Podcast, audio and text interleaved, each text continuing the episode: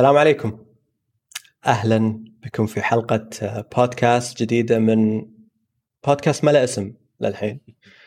آه لكن معكم يوسف النفجان. أنا موجود في الخبر المملكة العربية السعودية. ومعاي من الكويت محمد الطاهر محمد. أهلا وسهلا. هلا والله. شو أخبارك؟ تمام. متى اخر مرة قاعد نلقى هذه وسجلنا بودكاست؟ أوف. آه ما أتذكر. هل كان Free Talk Weekly ولا في سجلنا أشياء بعده؟ آه أنا ما أعتقد إني مرة شاركت معكم ب recap. أنا سمعته لكن ما أعتقد إني شاركت. لذلك أعتقد آخر مرة أنا وياك سجلنا كان Free Talk Weekly أعتقد كانت على بدايات كنت أعتقد توني مسوي Brave Wave وكنت أدش وأطلع مرات بحلقات لما بعدين شوي شوي وقف الفلتر ينزل قهوة حق المستمعين. طبعا تاريخك مع Free Talk Weekly وال ويعني الحلقات اللي سجلناها كبير. بس يعني يمكن من أكبر ال contributions كان يعني ال intro حق FT Weekly كان من عندك. إيه ال intro حق اللي ما يعرف من ملحن لعبة في في في في في في لعبة retro موجودة على وايد أجهزة لعبة رائعة. أنت عرفني عليها يوسف لو تتذكر. آه. وأحد النقاط. امم وأحد النقاط أنت كنت تمدح لي إياها هي الموسيقى فلما لعبتها أه ما أدري إيش اللي أدى إلى أن إحنا نقرر نبي ثيم موسيقي جديد حق البودكاست لكن عملي مع الملحن هو اللي بطل لي بعدين أبواب Brave Wave لأن لما اشتغلت مع ماجنوس بولسون ملحن VVV حبيت حبيت فكرة إني أشتغل مع ملحن. أه ولما صار الوقت إني قاعد أشتغل على ألبوم خاص فيني أه أه كانت عندي تجربة سابقة مع ملحن فبنيت على التجربة هذه. فشيء شيء عجيب شلون الحين أنا قاعد أستحضر إن إن بدايه Brave Wave مرتبطة ب Free Talk Weekly شيء رائع. طيب للي ما للي ما يعرف Brave Wave أنت how do explain Brave Wave شركة uh, هي record label يعني شركة نشر موسيقية. uh, دائما أشبه بروتانا بعدين أسحب على طول لأن أنا مو بحجم روتانا ابدا. لكن نفس الفكرة إنه يعني عندي لستة artists ملحنين. أشتغل معاهم على video games وبنفس الوقت عادة ملحنين ال video games ما عندهم الشركة اللي فيها ملحنين كابكوم مثلا إذا عندها ملحنين ما لها شغل ملحن شنو يبي يسوي ألبوم منفصل خاص فيه. هي توظف ملحنين حق أعمال خاصة كابكوم ألعابهم يعني. فإحنا اللي نسويه إنه غير ان ندخل الملحنين اللي معانا يلحنون حق ألعاب أيضا نخلي الملحنين يشتغلون على أعمال original خاصة فيهم solo album. نفس لما نوال وأنغام يقرروا ينزلوا ألبوم سولو خاص فيهم. طبعا قاعد أرجع قاعد أرجع على تشبيه روتانا لكن ما في شبه صراحة. ف إحنا حاليا مثلا قاعد نشتغل على لعبة كبيرة لمطور ياباني معروف وأنا حاليا المخرج الموسيقي حق اللعبة فأنا اللي وظيفتي إني أتابع ال timeline اعطي الملحنين اللي معاي أعمالهم. عندي ال Excel sheet اللي فيها كل المراحل والأشياء اللي لازم تتلحن. أنا وظيفتي أنسق من نسوي المرحلة الفلانية وشلون الفريق شلون مهندسين الصوت راح يشتغلون عليهم. فهذا جانب مهم. نشتغل عليه اللي هو الألعاب. وزائد ننزل soundtracks ممكن soundtracks إحنا ما اشتغلنا عليها أساسا. يعني مثلا نزلنا soundtracks ستريت فايتر 2 لعبة مشهورة ملحنة ستريت فايتر 2 يوكو شيمومورا. هي معنا في بريف ويف لكن هي لحنت ستريت فايتر 2 لما كانت مع كابكوم ما لها دخل ببريف ويف لكن إحنا اللي سويناه إنه رحنا حق كابكوم رخصنا ال soundtrack وشرينا ال arcade board وسجلناه بنفسنا ونقحناه ونظفناه وعندنا بما أن عندنا الملحن الأصلي تصير العملية مو مجرد licensing deal مع كابكوم أرخص وأسجل وأنزل لكن معي الملحن الأصلي ف هي تشرف على كل ملف توافق عليه تعطينا تعديلات مقترحة آه فهذا شيء ثاني نسويه زائد ود ودي أوريك آه ترى حاطن ال vinyl حقه فوق.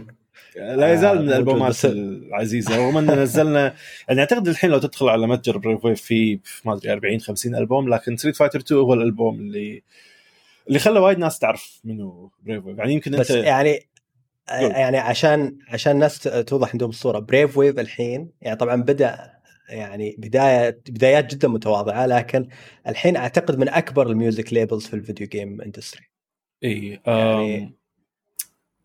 إحنا صرنا الممثلين الرسميين حق الملحنين اليابانيين حتى إذا ما كانوا معنا يعني إذا إذا مطور يبي يشتغل مع ملحن ياباني ممكن إحنا ما نعرفه أو ممكن نعرفه واحد يعرفه لكن فعليا مو معنا ببريف ويف عادة مخرجين الألعاب اللي في الغرب صاروا automatically يفكرون okay ملحن ياباني خلينا نروح حق بريف ويف يمكن عندهم طريقة نتواصل مع الملحن هذا. آه فهذا يمكن أكثر شيء إحنا مشهورين فيه. في وايد شركات حاليا قاعد تنزل video game vinyl يرخصون الأسامي أو الألعاب من شركاتها وينزلون الموسيقى على قرص vinyl لكن إحنا أتوقع اللي أو أعتقد اللي يفرق بيننا وبين باقي شركاتنا إحنا ميوزك ليبل فعلي. يعني عندنا ارتست نشتغل معاهم على ألعاب ونشتغل معاهم على ألبوماتهم فهي مو مجرد مسألة إني أروح حق شركات وأرخص ساوند تراكات وانزلها لكن عندنا عندنا ارتست فنانين ملحنين نشتغل معاهم على طول ونمثلهم و يعني يبنى منامي ماتسوماي ملحنة ميجا مان السعودية جدة آه ويبنى منامي ويوكو مالت ستريت فايتر وكيجي ياماجيشي مال كابتن ماجد الكويت آه فهذا شيء ما كانوا ما كانوا الملحنين هذول يسوونه من قبل. أغلب الملحنين اللي معنا إما ولا عمرهم طلعوا برا اليابان ابدا أو إنهم ولا مرة اشتغلوا مع أحد برا اليابان. فإحنا اللي قاعد نسوي إنه نفتح لهم الأبواب. يعني نخلي الناس والشركات والمعارض تعرفهم أكثر وتستقطبهم الأشياء هذه. جميل. وكله بدا طبعا أنا كله بدأ من أيوة. فري توك ويكلي هذا شيء وايد مهم استوعبت أنا جدا يعني فخور يعني بال بال progress اللي اللي حصل مع بريف ويف من من بدا بداية جدا يعني يعني it was side hustle حتى ما كان side hustle كان شيء بسيط. ألبوم يعني آه كنت تبي تسويه أنت مرة واحدة يعني بس عشان البلوج حقك. آه بعدين تركت ال blog وصارت شركة. شيء شيء عجيب صراحة. شيء رائع. فيعني بس عشان نعطي update يعني على إيش حصل من فري توك ويكلي للحين. يمكن في ناس كثير منكم الحين يقول فري توك ويكلي يعني ما أعرف وشو. لكن يعني بس بقول إن الحلقة هذه راح تنزل في ال feed حق Gaming FTW بودكاست ال gaming حق فري توك ويكلي للي لسه مشترك فيه راح يستلم الحلقة بدري قبل ما نحطها يعني في السوشيال ميديا فبس عشان نعرف طبعا فري توك ويكلي بديناه في 2009 آه، كان شبكة بودكاستات تكنولوجي و gaming ورياضه وأشياء ثانية. آه، بودكاست ال gaming يمكن آه، كان أكثر واحد يمكن نزلنا فيه حلقات أعتقد. وبننزل يعني الحلقة هذه فيه. طبعا وقف شغلنا. في النهاية هو هواية. آه الحين يمكن صار في مجال أكثر خصوصا مع الفترة اللي فاتت خلتني أفكر نرجع نسوي يعني حلقات بودكاست ممكن stream ممكن أشياء ثانية. بس اللي اللي خلانا نسوي هذه الحلقة تحديدا هو محمد. لما أنا وهو دخلنا في آه يعني كثير نقاشات عن لعبة معينة آه رجع يلعبها مؤخرا اللي هي مترويد برايم Trilogy أول شيء كيف كيف رجعت تلعبها؟ شوف أنا قاعد أحاول أدور تشبيه. أوكي ممكن تشبيه مناسب لكن من وقت لوقت أحن إلى Metroid Prime وأبدي أحن بتويتر إن أبي port. أبي port من نسخة آه، ال trilogy اللي نزلت على ال Wii. أبيها على ال Switch. وطبعا اللي يخليني أطلبها على ال Switch مو لأني أبيها HD لكن صراحة ما لي خلق أطلع ال Wii U وأدور ال sensor bar وركب كل شيء. فكنت متعجز. فشهر سبعة بديت مره ثانية أحن ألعبها لأن لأن من وقت لوقت طبعا أسوي اللي أغلب الناس تسوي اللي هو لما إحنا لما إحنا نحن حق لعبة عادة نروح يوتيوب ونسمع soundtrack واللي هذا أنا كنت أسوي يعني. في شهر سبعة كنت قاعد أسوي شيء هذا لما طفح الكيل رحت غرفتي وأدور على ال Wii U وأدور على ال disc وأدور على ال sensor bar وركبت كل شيء. وكانت تجربة صراحة وايد حلوة أول ما شغلت Metroid Prime Trilogy واشتغل الثيم الخاص بال trilogy مو موجود في أي لعبة سووا ثيم جديد. ف آه صراحة اللي خلاني ألعب Metroid مو بس إني كنت مشتاق حق Metroid لكن آه قبلها خلصت Last of Us 2 وبعد Last of Us 2 شوية لعبت Ghost of Tsushima واللعبتين هذيلا خلوني اتساءل ليش قاعد ألعب video games؟ لأن أحس إني قاعد ألعب نفس اللعبة، أوكي يمكن Last of Us شوي مختلفة لأنها مو لعبة عالم مفتوح لكن أحس آخر عشر سنين ألعاب ال triple A اللي قبل أنا كنت أحبها وايد صارت كلها من نسيج واحد، صارت كلها آه، كلها كلها صارت ألعاب RPG، كلها عبارة عن خريطة ضخمة جدا فيها side quest لا نهائية آه، وهدفها إنك تقعد في عالم اللعبة 50 60 70 80 ساعة واول مرة لعبت لعبة كذي يمكن كانت Skyrim آه، وكانت تجربة حلوة لعبت فيها 100 ساعة. لكن لما أنا بالنسبة لي لما لعبت Skyrim كل ما ألعب لعبة عالم مفتوح يصير فيني قاعد ألعب نفس اللعبة. قاعد ألعب نفس اللعبة ب... ب... ما أدري. دشداشة مختلفة. آه آه. لبس مختلف أنا نفسك أنا نفسك لكن مع Assassin's Creed يعني Assassin's Creed آه 2007 سوت شيء يعني صح. جدا ممتاز. Assassin's Creed 2 كانت إضافة ممتازة. بعد كذا خلاص صاروا متشابهين بشكل مش طبيعي. وألعاب كثيرة ماخذة نفس ال ال ال يعني القالب حق Assassin's Creed تقريبا copy paste ومجرد إنه والله قصة حلوة شكل حلو آه، أشياء كثيرة حلوة متعوب عليها يعني ما أبخس حقهم في شيء. لكن قليل منهم اللي يقدر يتميز جدا. إي وتعرف لي لما كنت ألعب Ghost Tsushima فيها عناصر وايد حلوة. آه ال art direction كان عاجبني مثلا الموسيقى كانت حلوة لكن أحس قاعد ألعب نفس اللعبة. skill trees آه كثيرة واحيانا حتى ما أدري over ما ادري ما أدري شنو المرادف العربي المناسب حقها. أحس فعلا لما أبطل ال menus مالت الألعاب هذه أحس إنه يا أخي ليش الألعاب كلها صارت RPGs زائد عوالم مفتوحة؟ آه يعني أنا اعتقد أعتقد جزء كبير من اللاعبين بدأ يمكن رحلته مع العوالم المفتوحة مثلا مع Oblivion أنا ما لعبت Oblivion على وقتها.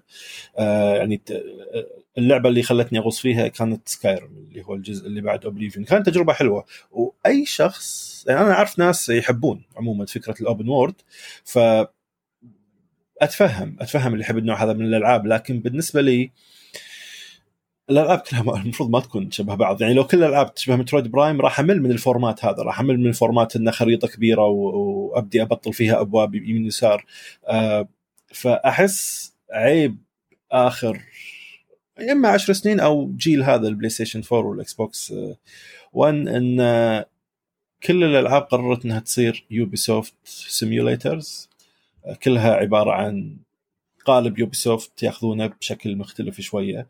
ف صح إن Last مختلفة عن الفكرة هذه. Last لعبة تجسس و stealth وتركيز أكبر على القصة والحوارات يعني. لكن هني حسيت إنه أوكي I need break أحتاج ألعب شيء يذكرني يذكرني بالأشياء اللي أنا أحبها. وعادة اللعبة اللي كنت دائما أرجع لها هي Mega Man لكن مليت ب Mega Man آسف يعني لكن مليت ب Mega Man ليه متى بخلصها ف Metroid Prime من الألعاب اللي وايد أحبها لكن ما خ... ما لعبتها وايد.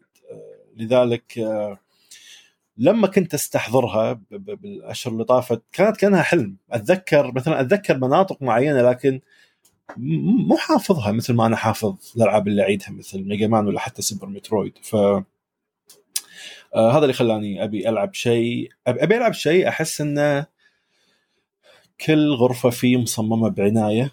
وهذا شيء ما قمنا نحس مؤخرا أغلب الألعاب. تحس أغلب الألعاب عبارة عن خريطة كبيرة و copy paste حق المناطق وما في شيء فعلا تتذكره. بينما Metroid Prime يعني أنا لعبت الثلاثية والحين قاعد ألعب Zelda Twilight Princess وبالمناسبة هي اول أول 3D Zelda ألعبها إذا أبي أشيل Breath of the Wild من الحسبة. بما إن Breath of the Wild يعني مختلفة شوي. مو شوي مختلفة وايد يعني. فلعبت Breath of the Wild لكن عدا Breath of the Wild Twilight Princess هي أول مرة ألعب Zelda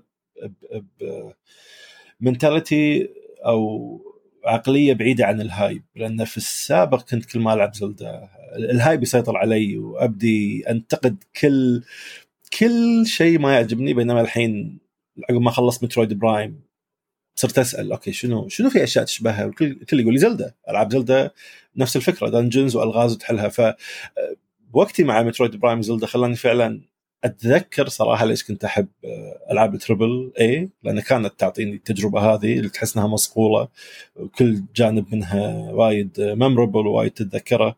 أه وشيء ثاني إنه ما أحس ما قمنا نشوف النوع هذا من الألعاب اللي هو أه وايد handcrafted وايد تحس إنه artist مسويه بعناية. طبعا هم كلها كل الألعاب هذه قاعد تسوي شركات كبيرة ومجموعة كبيرة من الفنانين المبرمجين لكن أحس ألعاب أو خلني اخص الذكر Metroid Prime الثلاثية أحس إنه باختصار النوع هذا ما كنا نشوفه. النوع هذا اللي تحس يعني عالم يعني تشوف الالعاب بعناية.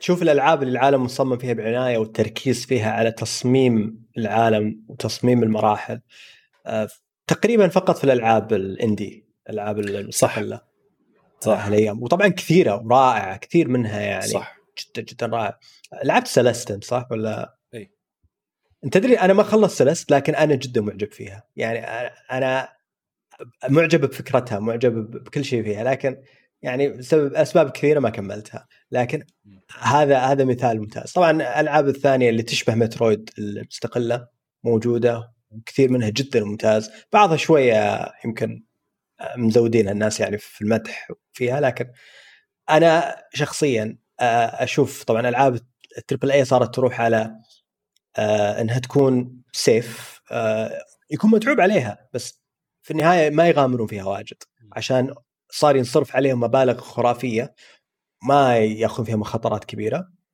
لأن المخاطرة أول كانت مليونين ثلاثة يمكن 10 مليون الحين ممكن لعبة واحدة مئات الملايين يصرف عليها. فهذا طبعا الموضوع يأخذنا المترويد برايم كيف صارت اللعبة هذه أصلا يعني في في 2002 آه، لما نزلت؟ احس مخاطرة مو طبيعية حق Nintendo. كانت يعني مخاطرة عملاقة. طبعا Metroid كسلسلة كانت موقفة فترة طويلة. آخر جزء نزل لها كان Super Metroid على ال Super Nintendo كان الجزء الثالث. قبلها طبعا الجزئين على ال Game Boy وعلى ال Nintendo Entertainment System بس بعد Super Metroid اللي هي كانت يعني تحفة فنية إبداع من جميع النواحي. أه وقفوا ما ما سووا غيرها. في أسباب كثيرة. أه منها إنه يمكن ما نجحت في اليابان. نينتندو خصوصا ذاك الوقت كانوا متحيزين للألعاب اللي أه تنجح في اليابان أكثر من الألعاب اللي تنجح في أمريكا. الشيء الثاني إنك تاخذ وقت وجهد ومدة يعني وقت آه، كثير في التطوير وجهد وتكلفة في التطوير عشان يطلعون بشيء يسوى أنه يتجاوز Super Metroid والسبب الثالث انه وقت ال Nintendo 64 اللي الجهاز اللي جاء من نينتندو بعد سوبر نينتندو آه نينتندو ما قدرت تفكر بطريقة كيف تقدر تنقل Metroid من آه لعبة ثنائية الأبعاد إلى ثلاثية الأبعاد. آه ماريو قدر ينتقل النقله هذه، Zelda قدرت تنتقل النقله هذه بشكل ممتاز يعني ماريو 64 Zelda Ocarina of Time إلى الآن تحط تلقاهم في ال top 10 أو top 20 أفضل ألعاب في التاريخ. آه، لكن Metroid ما عرفوا كيف يسوونها. يعني فكروا بأفكار كثيرة وما عرفوا كيف يسوونها. بس حاولوا يعني يمكن كانت هاي طبعا مخاطرة كبيرة. حاولوا إنهم فكرة يستكشفون فكرة إنهم يشوفون فريق ثاني يمسكها برا Nintendo وعام 98 آه، ساهموا في تأسيس فريق اسمه Retro Studios آه، المؤسس Retro Studios اللي هو Jeff Spangenberg كان آه، يملك Iguana Entertainment وكان منزلين ألعاب كثيرة حلوة. من ضمنها Turok Dino Hunter Turok على فكرة مش بعيدة كثير عن Metroid يعني فيها شبه ب Metroid من نواحي كثيرة. لكن طبعا في النهاية آه، كانت أكثر first person shooter عن Nintendo 64 بس طريقة الحركة فيها كان فيها platforming كان فيها شوية backtracking استكشاف آه، أشياء يعني تحس إنه ممكن يأخذونها إلى لعبة Metroid لو لو يحتاجون. ف Iguana طبعا شروها شركة Acclaim والمؤسس طلع آه، Jeff Spangenberg طبعا رفع على Acclaim قضية وكسبها أعتقد أو أو أخذ منهم تعويض كبير. وبالفلوس اللي جمعها من Acclaim ومن بيع Iguana أسس شركة جديدة. Nintendo شافتها فرصة آه، لأنهم شافوا إنها واحدة من الشركات القليلة اللي كانت سوت لعبة حصرية عن 64 first person ومصممة للناس يعني اللي خلينا نقول 18 وأكثر mature audiences مش مش لعبة عائلية. فقالوا okay ممكن نتعاقد معاهم أو أو نساهم فيهم عشان يسوون لنا ألعاب على جهازنا الجاي اللي هو ال GameCube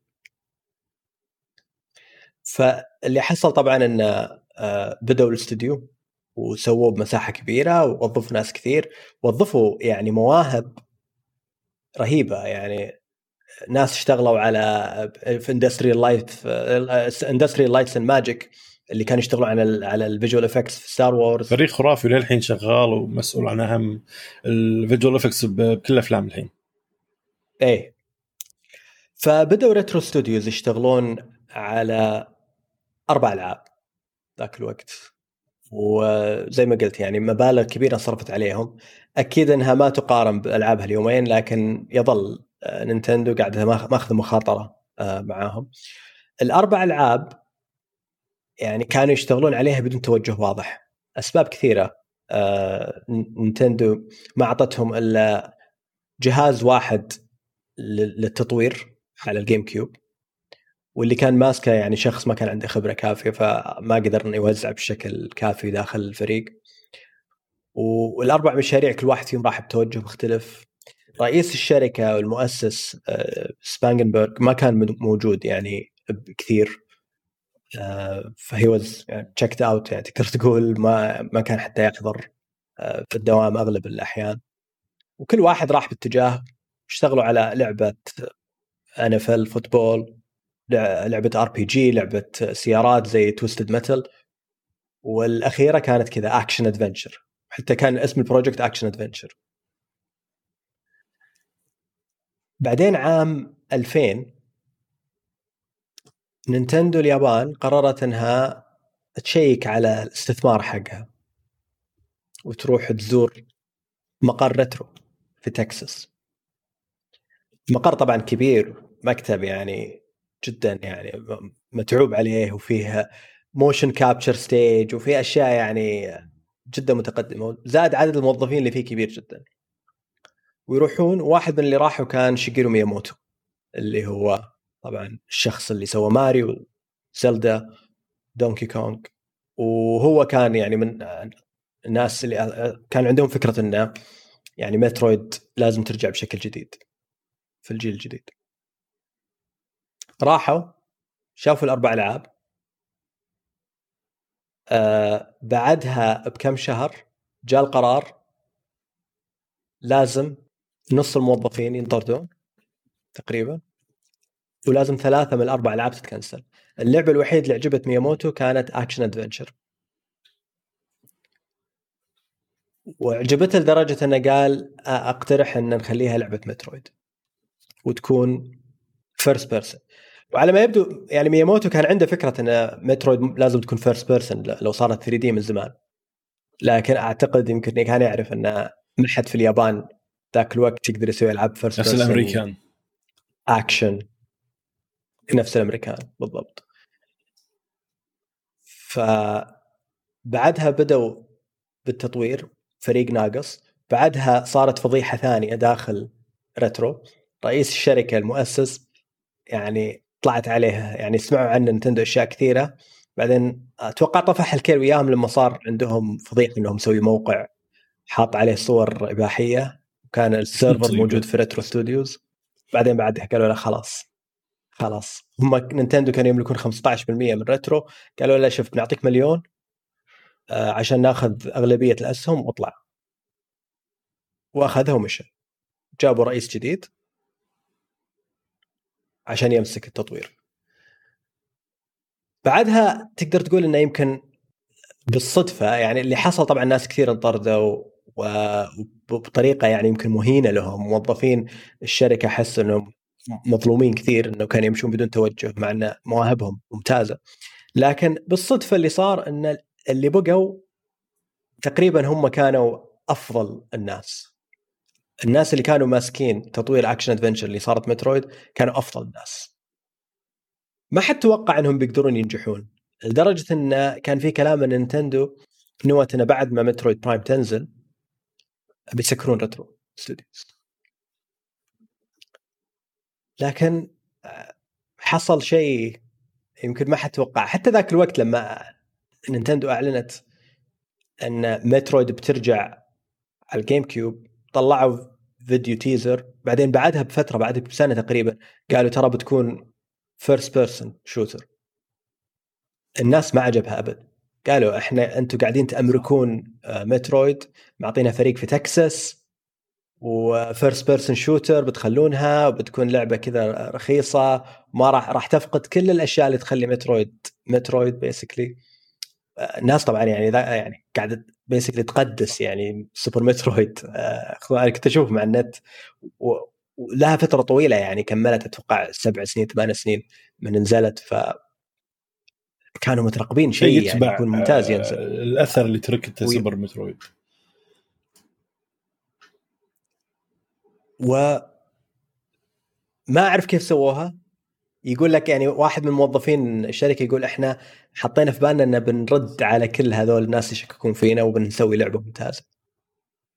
لكن مش بس سووا لعبة يعني آه تقنيا ممتازة. طلعت تستاهل اسم مترويد بكل ما تعنيه بالنسبة لي من كثر ما مترويد برايم تستحق اسم مترويد صرت أفضل سلسلة برايم على ألعاب مترويد 2D. مع إن ألعاب مترويد 2D جدا ممتازة وهي الأساس لكن من كثر ما ريترو قدرت آه يعني اللي عجبني في في, في مترويد برايم إنهم مو مجرد خذوا سوبر مترويد وخلوها 3D مع انه في مناطق كثيرة بمترويد برايم إما إنها تشبه مناطق في سوبر مترويد أو الموسيقى مأخوذة من سوبر مترويد لأن أحس ريترو كانوا يبون يعطون اللاعب بالذات الشخص اللي يحب مترويد آه الشعور اللي اللاعب يتمناه واللي هو انت قاعد تلعب لعبة مترويد. فشنو أسهل طريقة يمكن أو أكثر طريقة فعالية إنك تخلي اللاعب يحس إن أنا فعلا قاعد ألعب لعبة مترويد هو إنك تعطي شوية remixes من سوبر مترويد ومترويد الأولى. فكان فيها tracks جديدة لكن كان فيها بعض ال remixات كان فيها عناصر تخليك تحس فعلا إنها لعبة مترويد. بس اللي عجبني إنهم حطوا أشياء ما كانت موجودة في السابق نفس ال scan visor. ال visor هو هي فكرة ما راح أقول جديدة لأن سوبر مترويد كان فيها ال X-ray visor تاخذه وبعدين تقدر تسوي scan على بعض الأرضيات والأسطح علشان تشوف آه، مناطق مخفية فيها أماكن ممكن تدخلها آه، ظاهريا تشوف إنها عادية لكن لما تستخدم ال X-ray visor نفس X-ray يعني راح يبين لك وين ممكن تدخل فيها. ف أعتقد آه، اللي فهمته واللي قريته أن آه، مياموتو بأحد زياراته أو أحد مكالماته أعتقد كانت meeting call مع ريترو وقال لهم انه what if ساموس كان عندها bug head أو insect head ففي البداية ما فهموا الفكرة هذه شنو يعني يبينا نخلي ساموس حشرة؟ آه، لكن بعدين فهموا انه قصده انه ساموس basically تغير راسها بحيث إنها تصير عندها قدرات ثانية. فمن الفكرة هذه اللي زرعها مياموتو آه، حطوا visors مختلفة حطوا ال visor اللي هو نفس ال helmet اللي تلبسه ساموس مجرد ال interface اللي عليه يعني كأنه يتغير. إيه هو basically القزاز اللي على الخوذة من قدام.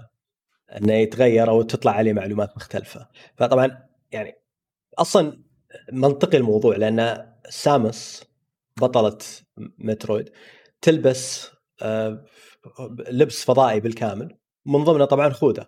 وكان دائما شكلها إنه يعني أوكي لابسه الخوذة وكان جزء من حتى مترويد الأولى آه، لما توصل للنهاية تكتشف إن ساموس بنت آه، يعني هذا هذا كانت twist ذاك الوقت. إنه كل أحد كان يفكر إن ساموس آه، رجال. ولما تخلص اللعبة يطلع إنه لا تروح تشيل الخوذة ويطلع شعرها. وتشوف إنها بنت. آه، ف بعدين قالوا okay الحين هي لابسة الخوذة. وبما إن إحنا بندخل داخل عيونها وبتشوف أنت العالم من عيون ساموس فمنطقي إن نخلي ال interface حق اللعبة وال HUD والمعلومات الأساسية تبين كأنها جزء من ال interface اللي سامس تشوفه في الخوذة. فحتى أطراف الخوذة تشوفها في اللعبة دائما في مترويد برايم. آه والمعلومات تشوفها كأنها يعني هولوجرام أو أو بروجيكتور قاعد يطلع لك المعلومة على على الخوذة من داخل فكرة تغيير ال visor هو إنه okay الحين سامس لابس القزاز وممكن أنت تغير ال mode. في mode عادي وفي mode X-ray وفي mode scan. scan هو إنك أنت تطالع في شيء وتأشر عليه والكمبيوتر اللي في اللي عند سامس يقول لها معلومات عن آه، سواء كائن الحي أو ال أو, أو ال المكان اللي هي فيه أو الجزء اللي قاعد طالع فيه ممكن جدار يكون فيه شرخ ويقول لها إنه أوكي بعد التحليل أقدر أعرف إنك أنت تقدر تفجرين بصاروخ شيء زي كذا. فكرة عبقرية من نواحي كثيرة. وفي نفس الوقت منطقية في عالم مترو. آه اللي أحبه فيها إنه ما أدري يعني صح إن نزلت ألعاب زلدا 3D قبل مترويد برايم لكن ما قاعد أحاول أتذكر إذا كان في لعبة هذا الكم من التعقيد من ناحيه ان عندك عالم وايد كبير مترابط وأعتقد الحين إحنا يعني ب 2020 لما نقول عالم كبير نتخيل ما أدري خريطة سكايرم ولا خريطة بريث اوف ذا وايلد لكن اللي يفرق بين ألعاب العالم المفتوحة وبين عالم مترويد إنه كل غرفة فعلا تحس إن لها مغزى لها سبب. ال level design وايد ما في غرف تشبه بعض. okay في غرف تشبه بعض فعليا لكن تحس إنها جزء من العالم بدل ما إنها مجرد copy pasted مثل ما تشوف بألعاب الحين. فالعالم مترابط والعالم كل ما أنت تلعب اللعبه يزيد معاك وتأخذ أدوات تخليك توصل الأماكن ما كنت تقدر توصل لها من قبل واللعبة تبدي تكبر معاك تدريجيا لما راح توصل مرحلة إن اللعبة تصير unwieldy شوي. تحس إنك أنت تايه وتبدي تبطل خريطة وخريطة 3D شوي معقدة وتسوي zoom ات وتحاول تدرس أنت وين تبي تروح. اللعبة فيها hint system ممتاز وبرأيي تجربة ممتازة إنك تلعب بدون hint system مع إن ال hint system ما عندي مشاكل معه يعني. ال hint system اللي أحبه فيه إنه يقعد فترة لما يحس إنك أنت فعلا ضايع وما أعرف إيش قاعد تسوي وتدخل وتعيد على نفس الاماكن يعطيك hint يقول لك okay شفنا في, في, في ال scans مالتنا إنك تروح المكان الفلاني. إيه. بالضبط. الكمبيوتر يعطيك notification يقول لك آه، okay حللنا العالم اللي أنت فيه وعرفنا وين لازم تروح بعدها بس أنت تقدر تستنتج وين تروح من أشياء كثيرة. هو المش إيه، إيه، يعني مترويد وألعاب مترويد وألعاب تشبه مترويد آه فيها شيء يمكن صعب على اللي أول مرة يلعب لعبة زيها إنه يفهمها. هو okay أنا أبدأ في غرفة بعدين أروح الغرفة اللي بعدها واللي بعدها واللي بعدها بعدين ألقى بابين. باب أقدر أفتحه الحين وباب أقدر أفتحه لما آخذ سلاح ثاني. okay هذا يعني أقدر أفهمه. لكن لما تضرب الإمكانية هذه في عشرة في مية في ما أعرف كم تصير الاحتمالات كثيرة. زائد إن في أماكن كثيرة مخفية آه وفي أماكن كثيرة بتشوف okay أنا بشوف في power up أقدر أخذه لكن ما أقدر أوصل الحين يمكن لو عندي آه إمكانية ability معينة سلاح معين أقدر أوصل له لكن ما في أحيان كثير حتى ما أعرف وش هو أنا أول مرة ألعب اللعبة ما أعرف إيش الأسلحة اللي سامس تقدر تاخذها. بعدين بستوعب لما آخذ السلاح اللي مثلا يخلي سامس تتحول لكورة وترقى فوق الجدار إنه okay هذاك ال track اللي كان محطوط على الجدار أقدر أتسلقه. خلي أتذكر وين كانت الغرفة اللي شفت فيه. الطريق هذا عشان أروح لها. ونفس الشيء هذا اللي هذا اللي يخليني قنابل أتمنى يعني إذا كان في port حق السويتش يكون في إمكانية إني أضيف يعني Hollow Knight حطت شيء أحبه اللي هو تقدر تشتري markers marker أحمر وأزرق وألوان مختلفة وتبطل الخريطة وتحطهم في الأماكن اللي تبيها. فأحس Metroid Prime تستفيد. من markers بحيث إنك هو اللعبة فيها شيء حلو اللي هو لنفرض أنت وصلت عند باب يحتاج ال ice beam علشان يفتح. الباب راح يكون لونه أبيض. لما تبطل الخريطة وأنت في, في, في مكان بعيد لنفرض أنت الحين خذيت ال ice beam مجرد ما تفتح الخريطة تقدر تشوف كل الأبواب قدامك وبالوانها فال ice beam راح يكون لونه أبيض خريطة برتقالية والأبيض راح يكون واضح إنه okay أنا أقدر أروح هنا. يمكن يمكن وجهتك حق إنك تمشي القصة مو هناك لكن هذا مكان تقدر تروح له بما أن أنت الحين عندك ice beam. لكن اللي الخريطة ما تبينه هو شنو داخل الغرفة. يمكن الغرفة داخلها magnetic rail اللي يخليك تتسلق وانت كرة وتروح أماكن آه، آه، سرية أماكن ممكن تخليك تكمل اللعبة. آه، ف اعتقد الحين لو يكون في port أو حتى حق Metroid Prime 4 وايد راح يستفيد اللاعب من من ال markers. لأن اللي أنا أسويه إني أفتح note ة جديدة في ال Notes app على ال iPhone ودخلت غرفة لقيت magnetic rail واللي أحبه في اللعبة إنه أنا طريقة لعبي إن كل غرفة أدخلها أول شيء أسوي أحول إلى ال scan visor وأشوف الأشياء اللي حولي. فحتى إذا أنت أول مرة تلعب Metroid راح تشوف في يعني, يعني الغرفة وايد organic الغرفة كلها حجر وعشب وفجأة تشوف شيء tech مبين تكنولوجيا يعني. فتسوي له scan يقول لك إنه والله هذا magnetic rail system وتحتاج ل spider ball علشان تستخدمه. فحتى إذا أنت لاعب جديد تقدر تقول okay اسم الغرفة تقدر تاخذ اسم الغرفة من الخريطة وتكتب فيه الغرفة هذه فيها magnetic rail فكنت كانت عندي لستة طويلة وشعور حلو لما آخذ item وأبطل ال Notes app وأروح 1 by 1 حق الغرف هذه. اللاعب اللي ما يسوي كذي يمكن راح يبدي يتوه لكن اللي ما له خلق يلعب بالحماس هذا اللي عندي اللي أبطل نوته واوقف اللعبة كل شوية وأسجل notes يقدر يلعب مع نظام ال hints. غالبا راح تعرف وين تروح لكن في أماكن في مناطق معينة راح شوية تطق brake فيها. ممكن ما راح تحاول تتذكر وين لازم تسوي أو شنو لازم تسوي وهني اللعبة راح تقول okay تقدر الحين تروح المكان الفلاني. بس بس صراحة يعني التحدي هذا طبعا الفكرة نفسها موجودة في Super Metroid Metroid 1 Metroid 2 كلهم فيهم نفس التحدي. لكن لما تتكلم عن خريطة 2D أفتحها أعرف يعني وأسهل إني أتذكر وين كنت لما تكون الخريطة 2D. الخريطة 3D في Metroid Prime أصعب في التعامل معها وصراحة يعني ما قصروا فيها. يعني سووا جهد كبير فيها وممكن تاخذ منها معلومات كثيرة وتعرف انك تفتح الخريطة وتدور تعرف وين المفروض أحبها. آه، أحيانا في أحيان كثيرة في اللعبة وأتوقع كل اللي لعبوا ألعاب مترويد أو الالعاب تشبه مترويد مثل كاسلفينيا وغيرها وصلوا لنقطة في اللعبة ما يعرفون وين لازم يروحون. فيروح يفتح الخريطة ويشوف وين المكان اللي شكله فاضي وين المكان اللي آه، ما عرفت أفتحها من زمان بياخذ وقت.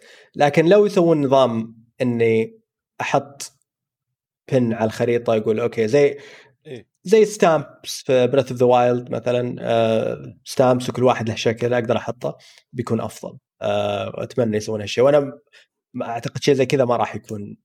آه، Nintendo جاتهم فترة خصوصا وقت ال Wii وال Wii U كانوا يحطون hint systems شوية عنيفة. في انها أعتقد كانوا يستهدفون اللاعب الجديد. كانوا تكون أنا أقدر ال empathy هذا اللي إيه. عندهم أقدر التعاطف اللي عندهم مع what if في واحد أو واحدة أول لعبة الحين بيلعبونها أو أحد أوائل الألعاب يلعبونها آه New Super Mario Bros U ولا Zelda Skyward Sword فكانوا يحطون آه إحنا نسميه hand holding كانوا يحطون شخصيات أو dialogue boxes معاك طول الوقت. و وأعتقد للحين بعض الألعاب فيها. Skyward Sword أحد الأسباب اللي شوية تمنعني إني ألعبها. وأتمنى الشيء هذا يعالجونه في port ال Switch اللي أتوقع راح يصير هو إنه على الأقل لو يحطون option إنه أنا عاد شنو بيسوون ال option ما أدري hardcore player لكن لا أعتقد على فكرة Skyward Sword فيها option إنه ما يعطونك tutorials كثير ولا يعطونك hints كثير. وبعدين في مكان في اللعبة تقدر تروح لتاخذ من ال hints يعني يمكن شوية يوم جاء وقت Skyward Sword شوية تراجعوا. آه بس Skyward Sword بشكل عام فيها هذا عكس هذا اللي يمكن آه يعني مش انه مش إنه hand holdy كثير بزيادة لكن أنا اللي فهمته من Skyward Sword إنه وشفت فيديو كنت أسولف فيه مع أحد الأصدقاء.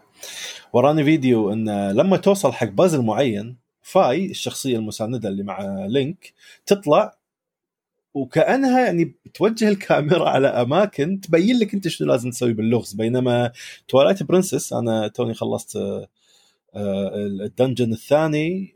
ال dungeon الأول Midna الشخصية المساعدة مع Link آه، معاك تساعدك. basically قاعد تفهمك قاعد تفهمك آه، قالب dungeon زلدا شلون ينحل فال dungeon الأول شوية معاك ويطبطبون عليك لكن ال dungeon الثاني أنت بروحك مدنا ما تسولف معاك نهائيا. وهذا شيء حلو. ومترويد نفس الشيء. مترويد لو تسكر فيها ال hint مع حتى لو تحط ال hint عادي لكن لو تسكر فيها ال hint اللعبة ما فيها dialogue boxes آه، فيها طريقة story tell storytelling أو إلقاء آه، للقصة أو سرد للقصة وايد مثيرة للاهتمام.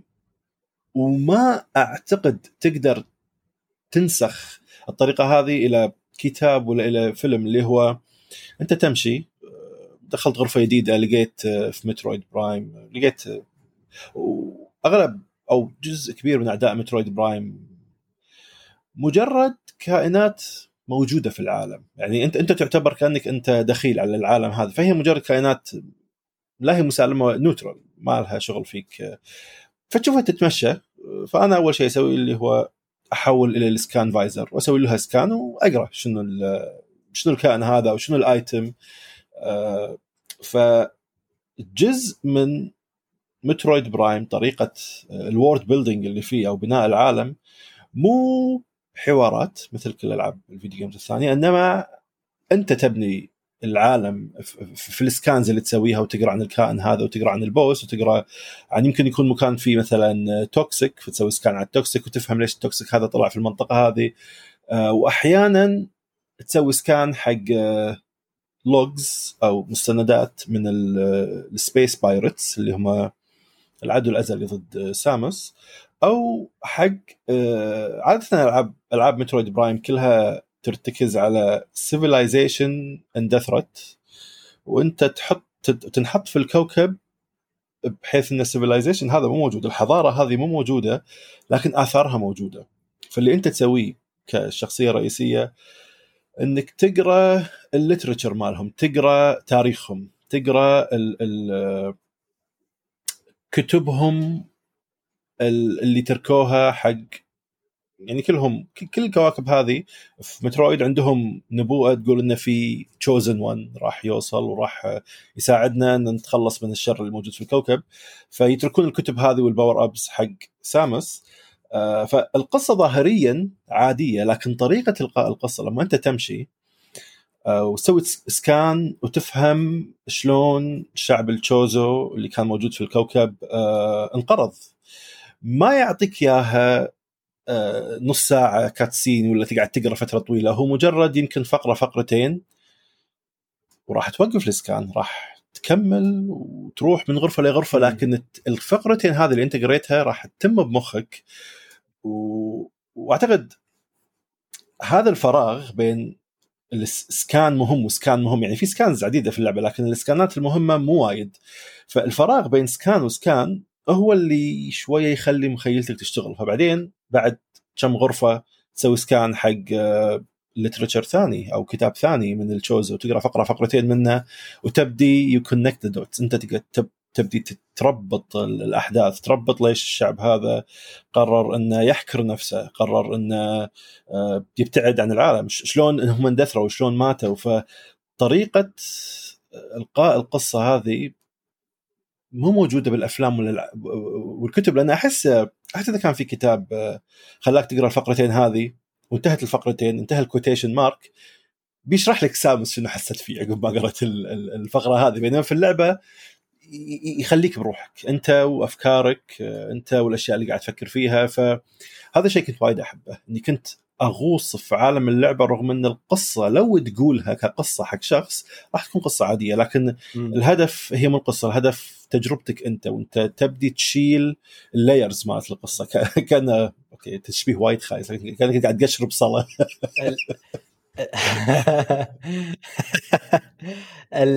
اللعبة طبعا تنجح في إنها طبعا هذا موجود في كل ألعاب مترويد لكن بما إن هذه 3D وقاعد أنت تشوف العالم من وجهة نظر سامس تنجح في انها تحسسك بالعزلة والعزلة تخليك تدخل جو أكثر. موضوع إنه طبعا القصة تقدر تقول إنها اختيارية تقدر تشوفها ولا هذا جميلة. وأعتقد ما أدري إذا مترويد هي أول واحدة سوتها لكن في ألعاب كثيرة آه، بعد مترويد اقتبستها بشكل مختلف آه، اللي هو ال audio logs وال video logs اللي تقدر تأخذها بعد تتفرج عليها وتسمعها لاحقا. ويعني في ألعاب كثيرة طبعا يوزعون العالم شرح عالم اللعبة وال lore حقها كتب مرمية هنا وهناك. لكن طريقة مترويد كانت مميزة. scan visor تسوي scan تلقى معلومة تركوها التشوزو تلقى ال Space Pirates يقولون إحنا هم كيف قدروا يقتلون كل أحد وكيف قدروا إنهم يعني وقاعدين يدورون عن ساموس عشان يقضون عليها basically وكل هذه الأشياء مسواه بطريقة مش بس يعني سهلة وواضحة للي يبيها لكنها تناسب عالم اللعبة وتخليك تخليهم يقدرون يرمون قصة ولو إنها بسيطة لكنها جميلة وتجذب آه، اللي دخل جو في اللعبة. عشان كذا لما أقول لما أتكلم عن ال video games بشكل عام كفن فيها دائما إمكانية إنه تروي قصة بشكل أفضل بكثير من من من من بعض النواحي. من الطرق سرد القصة الثانية. ليش؟ لأنك أنت عايش فيها. أنت قاعد تتحكم في المكان اللي تروح له في العالم في في قرارات معينة ممكن تتخذها. أنت تدخل في مخك القرارات هذه. ولو أن أنت عارف أن هذه لعبة صممها واحد برمجها لكن يظل أنت دخلت جو فيها. ولا حتى لو القصة نفسها أبسط لكن تحس فيها أكثر. في ألعاب جدا شكلها بسيط وقصة يعني ممكن تكون حتى طفولية لكن لأن التنفيذ في إطار اللعبة وفي إطار ال gameplay حقها ممتاز تخل تحس تجيك عاطفيا تضربك عاطفيا أكثر من آه، أي شيء ثاني. فنجحوا أعتقد الشيء حب حبيت العزلة اللي يسوونها يعني حتى الجزء الثاني يعني الجزء الثاني في شخصية تتكلم معاها انت طول الوقت أو أو من وقت لوقت آه، عكس الأول، الأول أنت فعلا بروحك في الكوكب. بينما الجزء الثاني آه، يابولك أحد آه، أحد الأشخاص قاعد أحاول أدور كلمة مناسبة لأنه هو مو إنسان هو كائن. race ال civilization مختلف تماما. كائن آه لكن آه لومينوث آه واحد منهم هو الوحيد اللي موجود وعازل ربعه. آه القلة اللي قدروا ينجون من الغزو اللي حاشهم. آه وبين وقت وقت تتكلم معاه. لكن أيضا شيء هذا still ما قتل ما قتل العزلة اللي تعيشها لأنه أيضا في الجزء الثاني وإلى حد ما الجزء الثالث آه بس تبدي تدش في العالم وتغوص أكثر وأكثر في ال level design وال bosses وكل الأشياء هذه. خلاص أنت بروحك آه العنصر الوحيد اللي ممكن يسولف وياك هو ال scan visor مالك. آه أعتقد اللاعب اللي ما يستخدم ال scan visor آه يمكن أو اللي يشوف أنه هذره أو إنه ليش قاعد أقرأ عن العدو ولا عن العشب آه يمكن راح يمل. لكن أنا كنت أشوفه شيء وايد حلو إنك أنت قاعد تستكشف عالم تماما جديد عليك وأنت فعلا دخيل عليه. أه تحاول تنقذه من ايا كانت المأساة اللي هو فيها وتبدأ تتعرف على عناصر العالم هذا شوي شوي.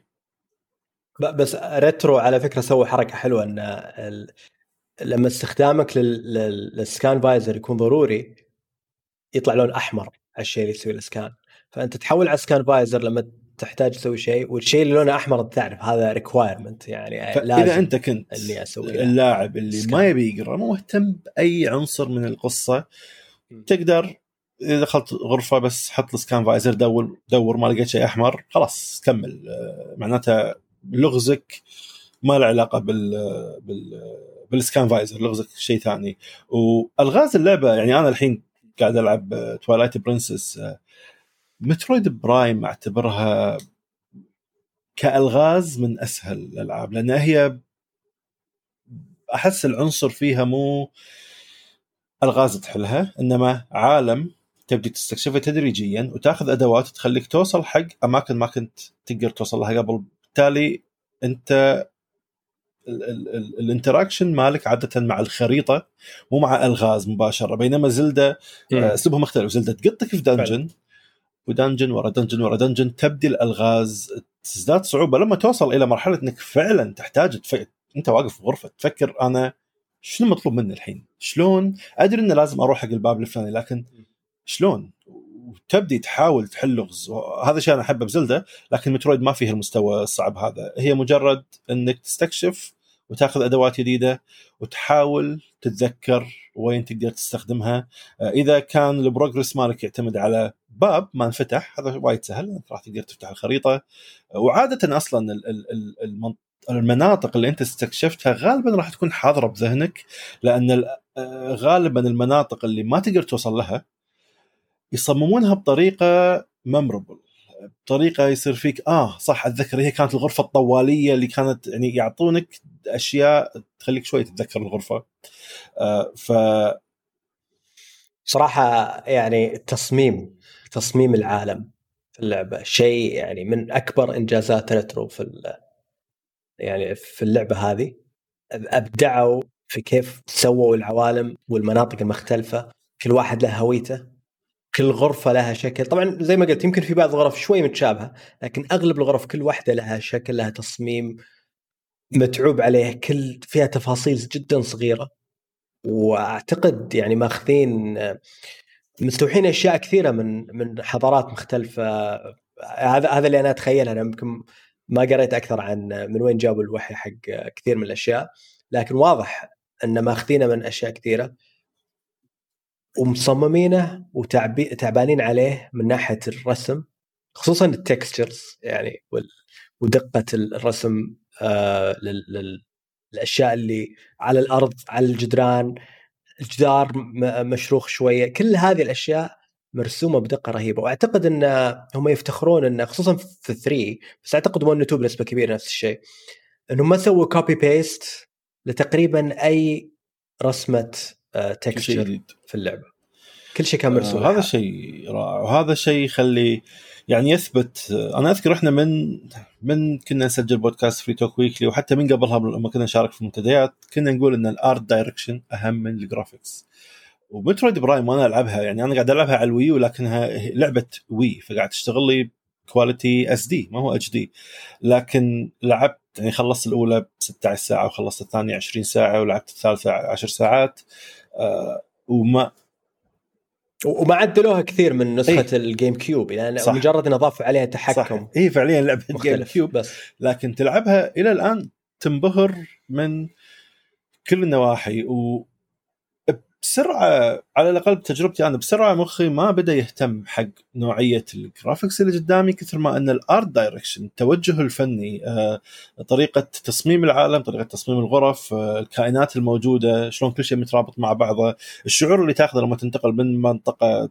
آه، كأنها غابة إلى منطقة تحس إنها صحراوية إلى منطقة نارية بعدين من المنطقة النارية هذه اللي تحس إنها شوية oppressive تحس إنها تخنقك تروح فجأة إلى جنة مترويد برايم اللي هي Phendrana Drifts واللحظة اللي بس تدخل فيها على المنطقة والكاميرا تبدي تفر وتوريك آه، تصميم المكان و Phendrana Drifts بالذات آه، الشيء هذا يتكرر في اللعبة من قبل لكن Phendrana Drifts الغرفة الكبيرة هذه ال field الكبير اللي أول ما تدخله ما في عدو يطقك آه، في طيور تطير بروحها فوق ما تنزل عليك ابدا وفي مخلوق ثلجي قاعد يتمشى ويصعد الجدران لكن ما في شيء يهاجمك. وهذا فعلا هني فعلا اللحظه اللي نوعا ما تستوعب فيها إن آه، أنت في كوكب ما يدري عن هوا دارك. أنت وظيفتك تعرف شنو مشكلة الكوكب هذا وليش الكوكب آه، ارسلوا لك نداء استغاثة وشنو مشكلته؟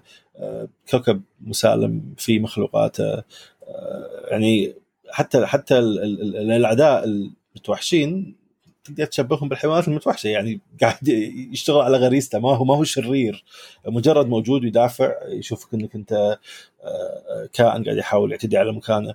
فالشعور اللي تعطيني إياه مترويد لما ألعب وأنتقل بين مناطقها آه، ما لقيته في ألعاب ثانية. لقيت ألعاب تسوي نفس الفكرة إنك تاخذ عالم آه، مترابط ويمكن أكثر لعبة عجبتني من الناحيه هذه هولو نايت مع إن هولو نايت لعبة 2 D لكن ال world building وال world design فيها وايد يذكرني في مترويد برايم آه رغم إنهم مختلفين 3 D و 2 D آه لكن مترويد برايم لا تزال بالنسبة لي آه وايد مختلفة. آه وايد آه تجربتها حلوة و تذكرني في جزء من ال video game صراحة مفتقدة اللي هو bosses زعماء ممتعين مو صعبين مجرد ممتعين. أعتقد آه، يمكن هذا رأي شوية مو وايد راح تتفقوا معي فيه لكن أتوقع أسوأ شيء صار من نزلت دارك سولز إن كل لعبه تبي تصير دارك سولز ف إن أما إنهم يأخذون آه، فكرة دارك سولز اللي هي إذا مت ال XP مالك يروح لازم تروح تمشي وتاخذ تاخذ ال soul مالك اللي طاح في المكان اللي أنت مت فيه و Hollow Knight تسوي شيء هذا. آه هذا رقم واحد. أو ياخذون فكرة إن الأعداء جدا صعبين. أو ال bosses جدا صعبين. وأنا أكثر شيء أنا بالنسبة لي اسوء شيء في Dark Souls هو ال bosses. وهذا رأي يناقض أغلب الآراء لأن أغلب الناس تحب Dark Souls علشان التحدي اللي فيها. وهذا رأي كان عندي لفترة طويلة لكن Dark Souls لما تدخل عند أي boss غالبا يصير فيك أنا أدري راح أموت. whatever خل أروح أدش وأطق وثلاث طقات مت. لكن Metroid Prime وحتى Zelda وأنا قاعد ألعب يذكروني في تصميم ال bosses اللي يعتمد على الأدوات اللي أنت عندك. يعني Metroid Prime آه بالذات 2 آه لكن حتى 1 آه خذيت ال Ice Beam أو خذيت ال Spider Ball okay. ال boss اللي راح تلعبه غالبا راح يكون في implementation بشكل أو بآخر على ال Spider Ball. أحد ال bosses المفضلين عندي Metroid Prime 2 آه، تستخدم كل ال tools اللي عندك علشان هو روبوت ضخم جدا. أعتقد اسمه Quadraxis آه، من أفضل ال bosses اللي عندي. وضخم جدا. وأنت وظيفتك تفكك على 3 stages وعادة أعتقد إحنا كلنا تعلمنا من ألعاب ال RPG إذا طلع لك boss 3 stages معناته boss مستحيل وهدف ال 3 stages إنها تمللك وتكرهك في ال fight لين ما بقدرة قادر تفوز عليه. بينما في Metroid Prime الفكرة إنه ال stage الأول هذه ال tools اللي تستخدمها معه. ال tools اللي أنت عندك. ال stage الثاني راح تستخدم يمكن ال Power Bomb وال Spider Ball وأشياء مختلفة. آه، وال stage الثالث يمكن لازم تستخدم مثلا ال X-Ray Visor علشان تشوف شيء داخل جمجمته. ف طريقة Metroid Prime ال puzzles فيها تكون عند ال bosses مو مو في المراحل. آه و Zelda أيضا كذي. آه Zelda ال bo- ال bosses الاثنين اللي حاربتهم في Twilight Princess كلها تستخدم ال tools اللي أنا الحين خذيتها وقاعد أستخدمها في ال dungeon. فهذا النوع من من الزعماء أحس ما قمنا نشوفه الحين. آه إما أن اللعبه مثل أغلب ألعاب Ubisoft simulators يكون مجرد boss لمجرد إنه boss آه، تطقه بشكل عشوائي وبس تفوز عليه أو إنه يكون شيء جدا مستحيل. أحس شوية فقدنا العنصر ال playful هذا مال آه، تصميم زعماء آه، Metroid و Zelda اللي هو ال boss puzzle. ممكن يكون بازل جدا بسيط وممكن يكون بازل شوي معقد و Metroid شوية مرات يكون فيها تعقيد لكن اللي يساعدك تسوي scan على ال boss. يقول لك okay كأن ال boss هذا ريوله تقدر آه، تسوي لها stun في concussive blast فتحاول تجرب تشحن وتطق ريله ولا تستخدم ال missile ولا تستخدم ال bombs لما تلقى الشيء اللي ال scan نوعا ما أعطاك hint راح يساعدك. فهذا شيء وايد أحبه. لا كثير كثير من الموضوع إنك أنت مع ال boss مجرد إنك أول ما تدخل عليه تحاول إنك تشوف. إذا ما تبي تعتمد على ال hint إذا ما تبي تعتمد على ال Scan Visor أه تسوي له تسوي lock on عليه. وتحاول إنك تتجنب ضرباته الين ما تلاحظ شيء فيه أه تقدر تستخدم أدواتك. غالبا تكون الأدوات الجديدة اللي توك ماخذها فهذا هذا شيء حلو. وهذا طبعا الشيء هذا يعت... آه، الكلام اللي قلته ينطبق على مترويد وعلى زلدة. نفس الشيء. أه تشوف طريقته وبعدين تهاجمه. آه، فالشيء هذا ممتع. له له متعة خاصة. ولو إنه يمكن في ناس يقول أوكي إذا عرفت الترك حقه يصير سهل. إذا عرفت طريقته أو أو اللغز حقه يصير سهل. لكن هذا الموضوع الممتع في موضوع إنك أنت تعرف طريقته تعرف اللغز حقه. أنت ممكن تصمم لعبة يكون فيها يعني زي Dark Souls يعني تتقن طريقة لعب اللعبة لدرجة انك خلاص أعرف إني بس مجرد إني أتعلم ال animations حقتها وأوخر عنها وأقتلها. هذا أسلوب. الأسلوب الثاني هو لغز. تحله.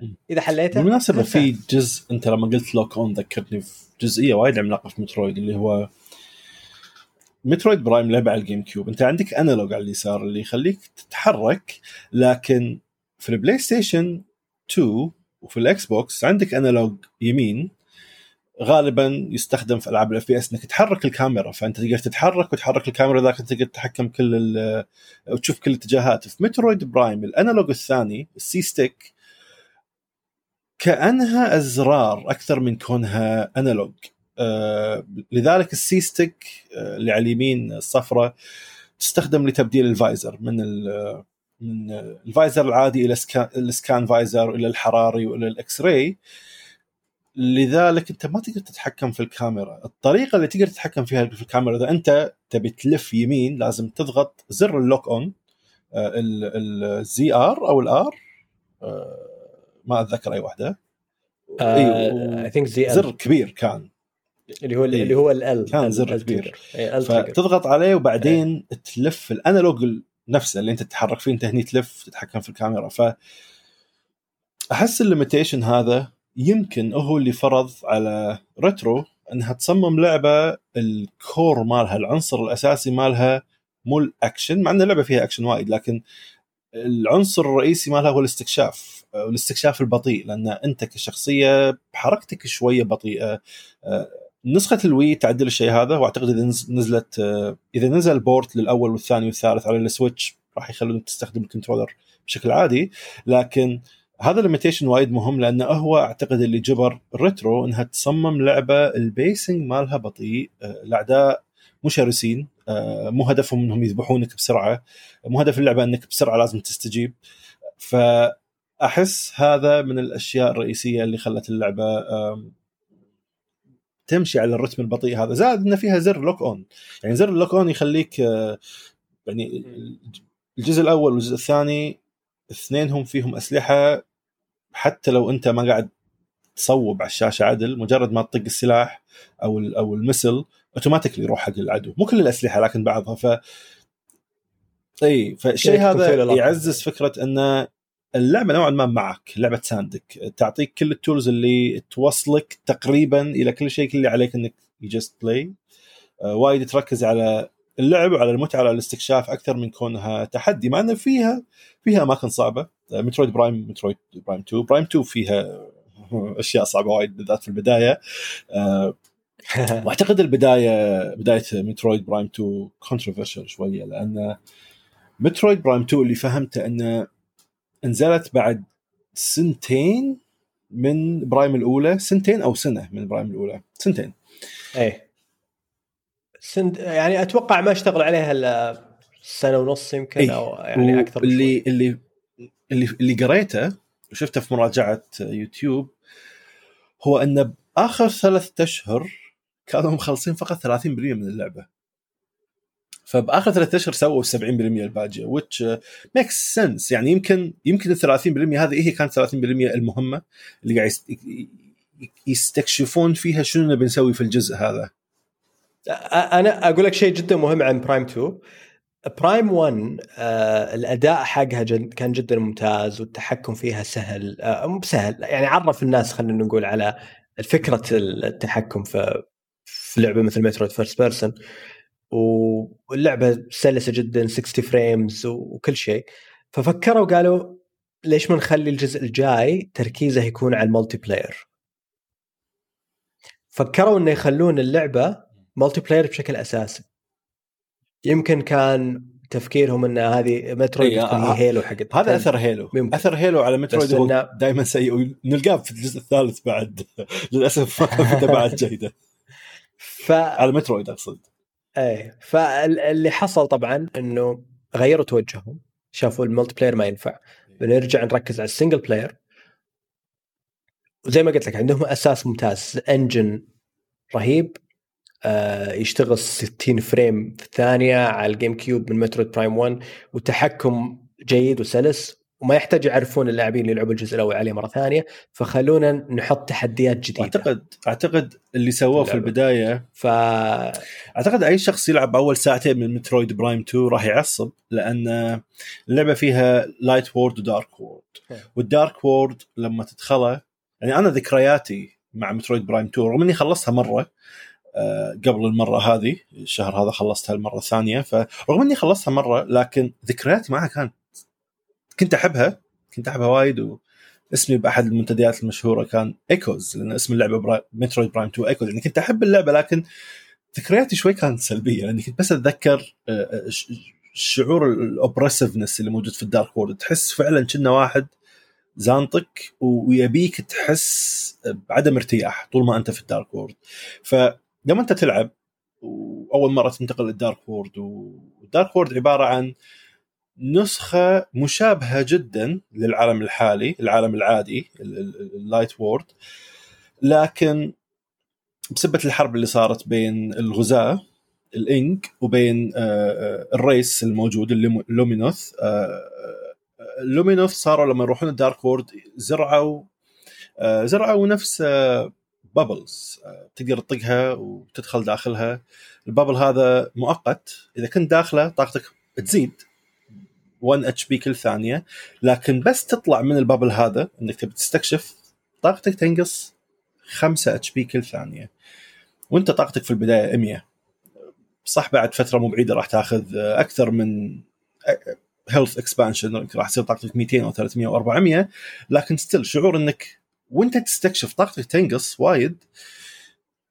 يزعج أي شخص لعب مترويد برايم الأولى لأنه راح يصير فيك أكثر عنصر كنت أحبه في مترويد برايم انسلب مني اللي هو إني أستكشف. لكن بعد ثلاث ساعات من اللعب راح تفوز على زعيم يعطيك ال dark suit.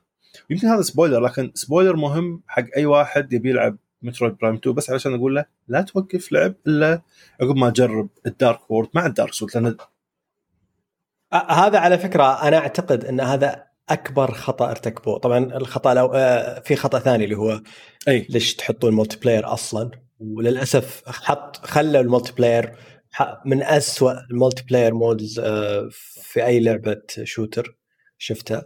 أربع Samus مع بعض يطلقون على بعض وسخيف جدا. آه، بس single player حقها ممتاز. لكن غلطوا في الطريقة اللي في البداية فيها. يعطي شعور للاعب إنه أوه أنا كل اللعبة بقعد كذي. آه وطاقتي بتنقص. إي وطولوا هذا الكلام. طولوا يعني فيهم اللعبة اخذت مني مع الهنتس. أنا كنت ألعب نظام الهنتس بس كنت أستكشف وايد. 19 ل 20 ساعة. فإنك تلعب ثلاث ساعات بلعبة مثل هذه جزء كبير. يعني ثلاث ساعات مو شوية. آه ف كبير. نسبة كبيرة من اللاعبين. وأنا لما كنت أعيدها المره هذه كان يصير فيني يا أخي زعلان. زعلان انه ماني قادر استكشف. هذا الشيء اللي أحبه في مترويد استكشف لكن بس تاخذ الدارك سوت وتبدي طاقتك بدل لا تنقص 5 اتش بي بالثانية تنزل اتش بي واحد. فراح يصير مجرد مجرد شيء موجود. يعني طاقتك راح تصير 500 600 700 وانت تنقص HP واحد بالثانية almost كأنك ما قاعد تنزل شيء. فيصير ال dark world مجرد mode. إي مكان أصعب. مكان أصعب شوي. اعداء اعداء شوية إيه. شوية. لكن ال dark world أعتقد أعتقد اللاعب اللي اللي, اللي عنده معلومات عامة ماخذها من كل مكان عن Metroid Prime 2 يظن إن ال dark world هو نسخة copy paste من ال light world وراح يكون عندي عالم ضخم ثاني أستكشفه. لكن فعليا ال dark world عادة تدخله تسوي بازل معين أو تفوز على boss معين خلاص ترجع ال light world.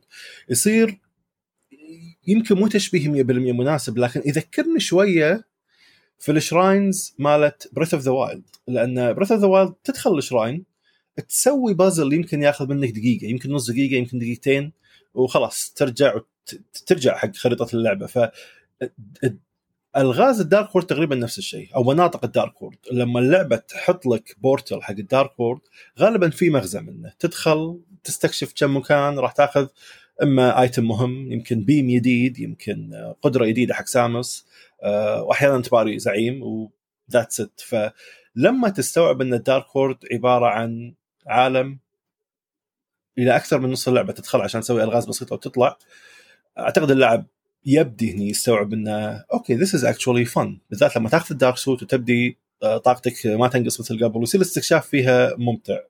لكن لا تزال اللعبة صعبة. في يعني ال bosses اللي أنا تعبت معاهم Metroid Prime 2 أكثر من Metroid Prime الأولى. أه تحتاج أه ما ما ابي أقول تحتاج balancing لكن لعبة فعلا تتطلب من اللاعب. تتوقع إن اللاعب تو مخلص Metroid Prime الأولى؟ و okay أنت خلصت الأولى بنعطيك تحدي أصعب.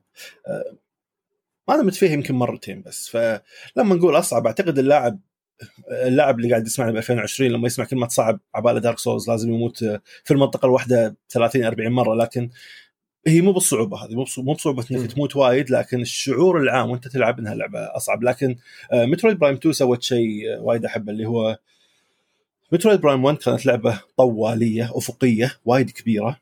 فلما إنك تنتقل من منطقة لمنطقه أحيانا كان ياخذ وقت.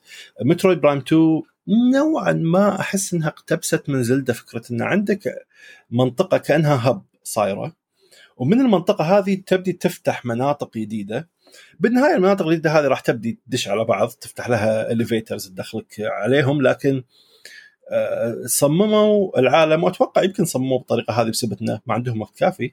آه، ودي صراحة أعرف أكثر شلون قرروا يغيرون طريقة تصميم العالم من إنهم ينسخ ينسخون العالم اللي سواه في Metroid Prime 1 إلى إنهم فعليا يقتبسون يمكن تصميم Zelda. ودي اعرف اللي خلاهم آه، يقررون الشيء هذا لكن آه انتهى فيهم المطاف لأنهم يسوون hub world عوالم كلها قريبة من بعض وال fetch quest بالنهاية اللي موجود في كل ألعاب Metroid آه حبيته. آه حبيته وما أعتقد أقدر أتكلم عن ليش حبيته لأنه spoilers و spoilers الجزء الأخير أو أو الثلث الأخير من Metroid Prime 2 ما ودي أتطرق لها لأنه وايد حلوة. الأشياء اللي تصير آه، كقدرات تاخذها آه، وايد حلوة. لكن Metroid Prime 2 بالنسبة لي هي أكثر لعبة مظلومة في سلسلة Metroid لأن الثلاث ساعات هذه آه، خلت وايد ناس تترك اللعبة توقفها. لأن الشخص يبدي يظن ان طول اللعبة أنا راح أبدي أن طاقتي تنقص وايد وما أقدر أستكشف. بينما في نهاية اللعبة أنت تروح تستكشف كل وقتك في ال dark world على راحتك يصير فيك أصلا أبي أروح المناطق اللي ما كنت أقدر أستكشفها والحين يلا بستكشفها بطلع health expansion ولا missile expansion ولا يمكن أشياء طافتني. ف آه، أنا أنا أعتقد مجرد إنك أنت تعرف إن انه بيساعد مش إنه أنت تتحمل لا هو لأن البداية أصلا مش سيئة لكن الواحد مشكلة يبدأ يفكر إن اللعبة بتكمل أي. زي كذا وبتصير أصعب فعليا و... تصير اسهل وأعقد. في الدارك وورد. في ال... إيه بالضبط. فهو البداية أنا مش إنها سيئة لكن مقدمة بطريقة خطأ يعني أعتقد وت... وتخلي اللاعب يفكر إن اللعبة مختلفة عن ز... عن ما هي عليه. تذكرت قاعدين نشبه كثير بألعاب Zelda لكن Zelda Majora's Mask فيها نظام الثلاث أيام. يمكن إنك تعرف عنه محمد اللي هو اللعبة تنتهي بعد ثلاث أيام، العالم ينتهي بعد ثلاث أيام، وكل مرة لازم تعيد الثلاث أيام هذه زي زي فيلم Groundhog Day عشان تغير شوية أو تاخذ شيء أو تسوي شيء. المشكلة طبعا نظام الثلاث أيام الناس تفكر ان عشان أسوي شيء لازم أنتظر مدة طويلة. وبعدين عشان أخلص أي dungeon أنا عندي time limit ثلاث أيام آه عشان أخلصه ثلاث أيام هذه تمر بسرعة في الوقت الحقيقي. فبيصير صعب ويوتر و... اللعبة أصلا فيها شيء يبطئ الوقت فيها شيء يسرع الوقت في... ومش صعب وتاخذه من بدري في اللعبة لكن حاطينه كذا على جنب شوية. فنفس الشيء هنا يمكن غلطوا بانهم ما بينوا أنا فاهم شو بيسوي. آه أنا أحس عندك الامكانيه يبون يعيشونك في قلق مبدئي علشان لما تاخذ ال dark suit ولا علشان تاخذ القدرة تخليك تبطئ الوقت فعلا يعني لما خذيت dark suit حسيت بانتعاش إنه وأخيرا آه وأخيرا أب أقدر أبدي أستكشف ال dark world على راحتي من دون القلق ال anxiety هذا اللي معاي في كل لحظة أنا أكون برا الفقاعة وطاقتي قاعد تنقص. فاحس يمكن اللاعب اللي راح يلعب Metroid Prime 2 أول مرة في 2020 آه، عقب ما لعب Dark Souls 1 و 2 و 3 و... و Nioh و Sekiro وصار شوي عنده. يمكن حتى اللاعب اللي ما خلص أي من الألعاب هذه مجرد ما ان مخه بدأ يستوعب أو أو صار يستوعب level آه، جديد حق الصعوبة تماما ما كنا نعرف عنه ما كنا حتى نفكر نلعبه. لما تروح حق Metroid Prime 1 و 2 بالذات 2 يصير فيك إنه أوه هذه كل الصعوبه قادر أتعايش معاها جربت شيء أصعب. حتى لو لو أنت ما كنت مخلص Dark Souls صار عندك تقبل أكثر حق لعبة شوية تتحداك مو وايد شوية تتحداك فهذا آه، شيء أنا متحمس له إذا نزل ال port اللي هو ردة فعل الناس حق صعوبة Metroid Prime 2 بما إنه صار عندنا أتمنى طبعا يعني يمكن إحنا أنت يمكن ذكرت اشياء أكثر مرة إنه متوقع وانت تبغى port ينزل لألعاب Metroid Prime على ال Switch لكن في معلومات مسربه تقول إنه already جاهز أو إنه في الطريق أي. بس ينتظر Prime أي. 4 تقرب تنزل عشان ينزل على ال Switch. فانا أعتقد ننتظر ونشوف. آه، وأتمنى تنزل على ال Switch Pro اللي قاعدين نسمع عنه الحين. طبعا ما راح يكون شو تتوقع يكون؟ شو آه new Nintendo Switch خلينا نسميه. مختلف فيه. أتوقع اي أتوقع بيكون أقوى طبعا. بيستخدم آه، معالج جديد حق Nvidia لل... لل Shield أي تقرأ حق ال Shield. آه، اتمنى أتمنى إنه يكون في upscaler ذكي. آه، يقدر يرفع resolution اللعبة ويخلي شكلها أجمل وأنظف حتى لو ادائها يعني يحافظ على ادائها إنه يكون ممتاز ويرفع ال resolution حقها. زي الحين في الكروت ال PC في آه، الجديدة. أي. عندهم ميزة اسمها دي ال اس اس ديب ليرنينج ديب ليرنينج بألف سكيلينج سيستم المهم إنه يرفع يرفع ال resolution حق اللعبة بدون ما يضحي ال AI صح؟ بالجودة. أي. يستخدم AI يستخدم deep learning عشان كذا أنا ما أتذكر له deep learning يستخدم ال AI عشان Death Stranding على ال PC تقدر تشغل فيها ال mode هذا وتشغلها 60 frame بأعلى شيء بأفضل شيء وتطلع 4K تحط 4K العادية وتحط ال 4K المزيف حق DLSS وراح تشوف انه أصلا المزيف يمكن بعض النواحي أحسن من العادي. أنظف شكله. اي فلانه لأنه يستخدم ذكاء صناعي. فيقول أنا عندي ال Shield ال Nvidia Shield اللي حق التلفزيون فيه AI upscaling ياخذ المحتوى ال 480 720 ويسوي له upscale ل 4K صراحة نتيجته جيدة وأتمنى يعني لو يمكن الجيل الثاني منه إيش ممكن يسوي على لعبة 60 frame على ال Switch آه، ممكن يكون فرق كبير. فننتظر نشوف إيش يصير. لكن بعد Metroid Prime 2 جات Prime 3 Corruption ف Metroid Prime 3 Corruption كانت على ال Wii نزلت بعد 2 بثلاث سنين و already كانوا Retro Studios يعني ارتاحوا شوية لأن ثبتوا روحهم مع Nintendo. آه الجو العام تحسن الضغط قل الإدارة تغيرت خلال تطوير Metroid Prime 2 أعتقد. آه جابوا آه مدير يعني كويس غير الجو العام حق الشركة إلى شيء أفضل بكثير. كل موظفين Retro الحاليين والسابقين يعني قالوا هالشيء. فخذوا راحتهم في Corruption لكن قرروا قرارات يمكن ما عجبت كثير من آه، المحبين Metroid خصوصا اللي عجبتهم Metroid Prime 1 أهمها كان إنهم حطوا فيها شخصيات أكثر voice acting ناس تتكلم معك. والشيء الثاني إنهم قسموا عالم اللعبة الأجزاء تسافر ما بينها. Samus أول كانت اللعبة كلها عبارة عن عالم واحد مترابط بس بعدين في Prime 3 صارت مقسمة الكواكب تركب Samus تركب مركبتها وتروح من من كوكب لكوكب.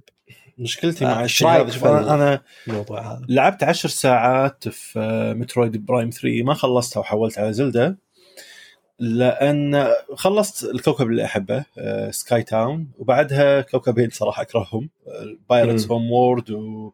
و... وركض شب كانها لعبه رعب فصار فيني okay. يمكن يمكن أكمل لكن بترك اللعبة الحين. لكن مشكلتي مع اللعبة آه في أشياء حلوة. يعني هي أول لعبة تقدر تستخدم فيها ال ship مالت Samus يعني عادة في الأول والثاني كل ألعاب Metroid أنت you crash land في كوكب وبالتالي ال ship مالتك أو أو أو سفينتك الفضائية ما تشتغل. ويلا انت محكور بكوكب وطلع نفسك منه. بينما في الجزء الثالث انت موكل بمهام من ال Intergalactic Federation ايا كان اسمها. آه وتبدي أنت تنتقل من مكان لمكان مو مجرد إنك تنتقل في سفينتك لكن أحيانا في مناطق معينة تقدر تنادي سفينتك تسحب شيء آه آه تفجر آه، آه، حاجز تقدر بعد أنت تكمل ب Samus. ففيها أفكار حلوة لكن مشكلتي معاها انه طبعا رقم واحد المناطق مو مترابطة. يعني منطقة Bryyo في البداية ومنطقة SkyTown هي كواكب منفصلة وتضطر إنك تركب مركبتك وتختار وين تبي تروح. كان ممكن أتقبل الشيء هذا إذا كان الكوكب شوية أكبر. كأنه يعطي يعني لو الكوك لو الكوكب كان كأنه dungeon Zelda أستكشفه وأحلبه يعني في النهاية لما خلاص أهده بعدين آه، بيعطيني شعور حلو لكن حتى داخل الكوكب في أكثر من مكان تقدر تنزل فيه بطيارتك. مما يعني إنه غالبا راح تنزل في محطة نزول رقم واحد تكمل تكمل تكمل تخلص شيء معين. إذا أنت مو مشغل ال hint system بيصير فيك شو أسوي الحين؟ لو أنت مشغل ال hint system راح يقول لك ارجع طيارتك انزل محطة نزول رقم اثنين في نفس الكوكب. فالشيء هذا شوية يقتل شعور استكشاف مترويد اللي إحنا متعودين عليه لأنه حتى في داخل المنطقة راح تضطر إنك ترجع حق نقطة معينة تركب سفينتك تروح تنزل في نقطة ثانية. فأحس بالذات اول أربع خمس ساعات اللي هي الإنترو اللي شوية صراحة كان مو شوية وايد كان سيء. آه، ساعة تقريبا ساعة لكن آه، ثقيلة على مترويد ساعة كلها سوالف وكلام وناس تسولف معاك. والمنطقة الأولى Bryyo شوية يتعبون شوية شوية يعني شعور انه أنا حبيت الثالث لما نزل وأذكر كنا كلنا نشارك في منتدى True Gaming وأغلبنا كانت عجبتها اللعبة لكن الحين لما ألعبها بعد الأول والثاني أحس إني شوي ظالمها لأن Metroid Prime 3 أحس لعبة مسكينة نزلت في وقت أعتقد نزلت بنفس اليوم اللي نزلت فيه BioShock أو نفس الشهر اللي نزلت فيه BioShock الأولى و... وأعتقد Halo 3 ما كانت بعيدة عنها ف 2007 كانت سنة يعني إي. آه عجيبة. آه فأنا أحس Retro نفسهم نفس السنة. آه يعني كانوا يحسون إنه وصلنا. أعتقد بالذات الوقت هذاك يعني كان وقت كل الألعاب تحاول يكون عندها أفضل voice acting التمثيل الصوتي كان وايد مهم. آه، آه، فكرة القصة آه، شوية كانت ماخذة عقول الناس مع BioShock فأحس ال standards كانت شوي مختلفة. أحس إن Retro كانوا backed into a corner كانوا محكورين بزاوية أعتقد كانوا إيه. مطلوب منهم إنهم يرفعون المستوى التقني للعبة والمستوى الفني للعبة ويخلونها تبين لعبة triple A قدام يعني عندهم ال Wii اللي هو basically GameCube مسرع مقابل Xbox 360 و PlayStation 3 لازم يطلعون اللعبة بشكل يعني مقبول. لأن هم الفريق اللي في Nintendo اللي يسوي هالشيء. يعني هم الفريق اللي يسوي ألعاب تقنيا آه، مذهلة. ف يعني وأقول لك شيء يعني بعد ما نزلت Metroid Prime 3 نسبة كبيرة من الفريق الفني والتقني في في Retro طلعوا. راح يسوي لهم شركات خاصة فيهم. وما ألومهم لأن مش لأن ال Retro يعني ما كانت بتسوي ألعاب ممتازة بعدها. Retro سوت Donkey Kong Country Returns و Tropical Freeze ثنتين من أفضل ألعاب ال platforming يعني آه، في السنوات الأخيرة. بس والحين قاعدين يشتغلون على Prime 4 لكن على ذاك الوقت هم كانوا من أفضل الفرق تقنيا في العالم. آه، من نواحي كثيرة خصوصا فنيا يعني. وأبدعوا في Prime 3 لكن في النهاية وصلوا إلى حد إن إذا ما طلعنا من آه، أجهزة Nintendo ال résumé حقنا ال CV حقنا راح يكون ناقص وراح راح نفوت جيل كامل من الألعاب ال HD قدرات مهمة لازم نطورها لأن إحنا عالقين على ال Wii فاطلعوا كثير سووا studios بعضهم نجح بعضهم فشل بعضهم نجح شوي بعدين فشل. لكن ال ال ما لهم طلعوا ابدا. Retro صاروا شركة مختلفة تماما بعد Metroid Prime 3 وأنا في رأيي الشخصي Prime 3 لعبة جدا ممتازة لكن ما تقارن بالأولى. الأولى تحفة فنية. 3 فيها تحكم ممتاز. ولو إنهم شوية زودوها في بعض إيه، الأشياء تحس فيها لو تلعبها عشان تفتح الباب آه، يبون يدخلون تحكم إيه، الريموت آه بس كان كان بس بشكل عام أيوه. اي كان جدا سلس وممتاز. خصوصا يعني إذا جيت تتكلم عن الحركة وال... وطريقة التصويب طريقة يعني إنك خصوصا ال bosses في اللعبة ال bosses خصوصا إذا قربت من نهاية اللعبة يصيرون يحمسون أكثر. ما ما أقول لك يصيرون صعبين بزيادة لكن يحمسون أكثر. وتحس في في القتال أكثر من قبل. ال puzzles آه متعوب عليها. إلى الآن أتذكرها كويس يعني لعبت طبعا لعبت ال trilogy أول ما نزل خلصته أو ولأني مرتين ورا بعض خلصت Prime 3 Sky Town كانت منطقة بالذات aesthetically يعني من ناحية التصميمية والفنية والموسيقى وحتى تصميم المخلوقات اللي داخل وال back story حق المخلوقات لما تسوي لهم scan وال lore اللي تركه الشعب هذا م. وهذا من الأشياء اللي أحبها في Metroid Prime 3 لما تلعب السلسلة وتكتشف إن ال Elysians الشعب هذا اللي موجود في الجزء الثالث وايد يتكلمون عن ال Chozo اللي هم مالت civilization أو الشعب مال الجزء الأول. بسرعة تعرف راح تعرف إن ال Elysians اللي مسوينهم هم ال Chozo علشان يكافحون X و Y Z يعني كله مرتبط في القصة ال continuity هذه وايد حلوة حتى لو أنت كنت شخص مو وايد مهتم في القصة لكن مجرد إنك تشوف أسامي familiar آه، آه، تشوف أسامي مالت الأول والثاني شوي مترابطة في الثالث آه، تلقى في في في روبوت وظيفتها في منطقة ال Sky Town كأنها كتاب متنقل. وظيفته إنك تطقه وعلى طول يطلع لك يطلع لك log hologram تسوي له scan وتقرا تقرأ ال dreams اللي تركها الشعب هذا فالمنطقة من الناحية الفنية شيء خرافي جدا. وهذا بالنسبة لي إي إي. أعتقد وصلوا قمتهم Sky يعني. Town كانت ف... قمتهم والثالث قدم أشياء مثيرة للاهتمام. في ركت شيب الشب وأنت تلعبها تحس إنك أنت قاعد تلعب لعبة رعب من ناحية الموسيقى من ناحية الاعداء اللي تهجم عليك ف سووا أشياء مثيرة للاهتمام. البوسز إلى الحد اللي أنا لعبته كانوا عاديين مقارنة مع الأول والثاني. لكن يمكن يمكن خافوا يسوون شيء too complex بسبب التحكم. مع أنا أشوف التحكم بال Wiimote خرافي. التحكم بالريموت أفضل من تحكم ال GameCube برأيي. لأن اللعبة تبدي وأخيرا تعطيك آه، تحكم في الكاميرا في إيدك في, في ال Wiimote. آه، ممكن يكون شوية متعب أحيانا. آه، أنا أنا على فكرة أنا راح إلى إلى نهاية وقتي في هالدنيا راح أقول التحكم بال motion ممتاز. كان تحسن على تحكم ب two sticks mouse keyboard هو أحسن شيء لل shooters. بعدها بفرق بسيط مش كبير motion controls. يعني من ذا ذاك آه لعب motion يخرب اللعبة يخليها كاجوال لا بالعكس. أنت تبي تستمتع يا بالعكس آه، والمضحك إنه أنا أذكر وقتها أنت كنت من, من الناس اللي كانت تدافع عن ال motion control في Resident Evil 4 وكنت تقول إن ال Wii edition هو أفضل نسخة.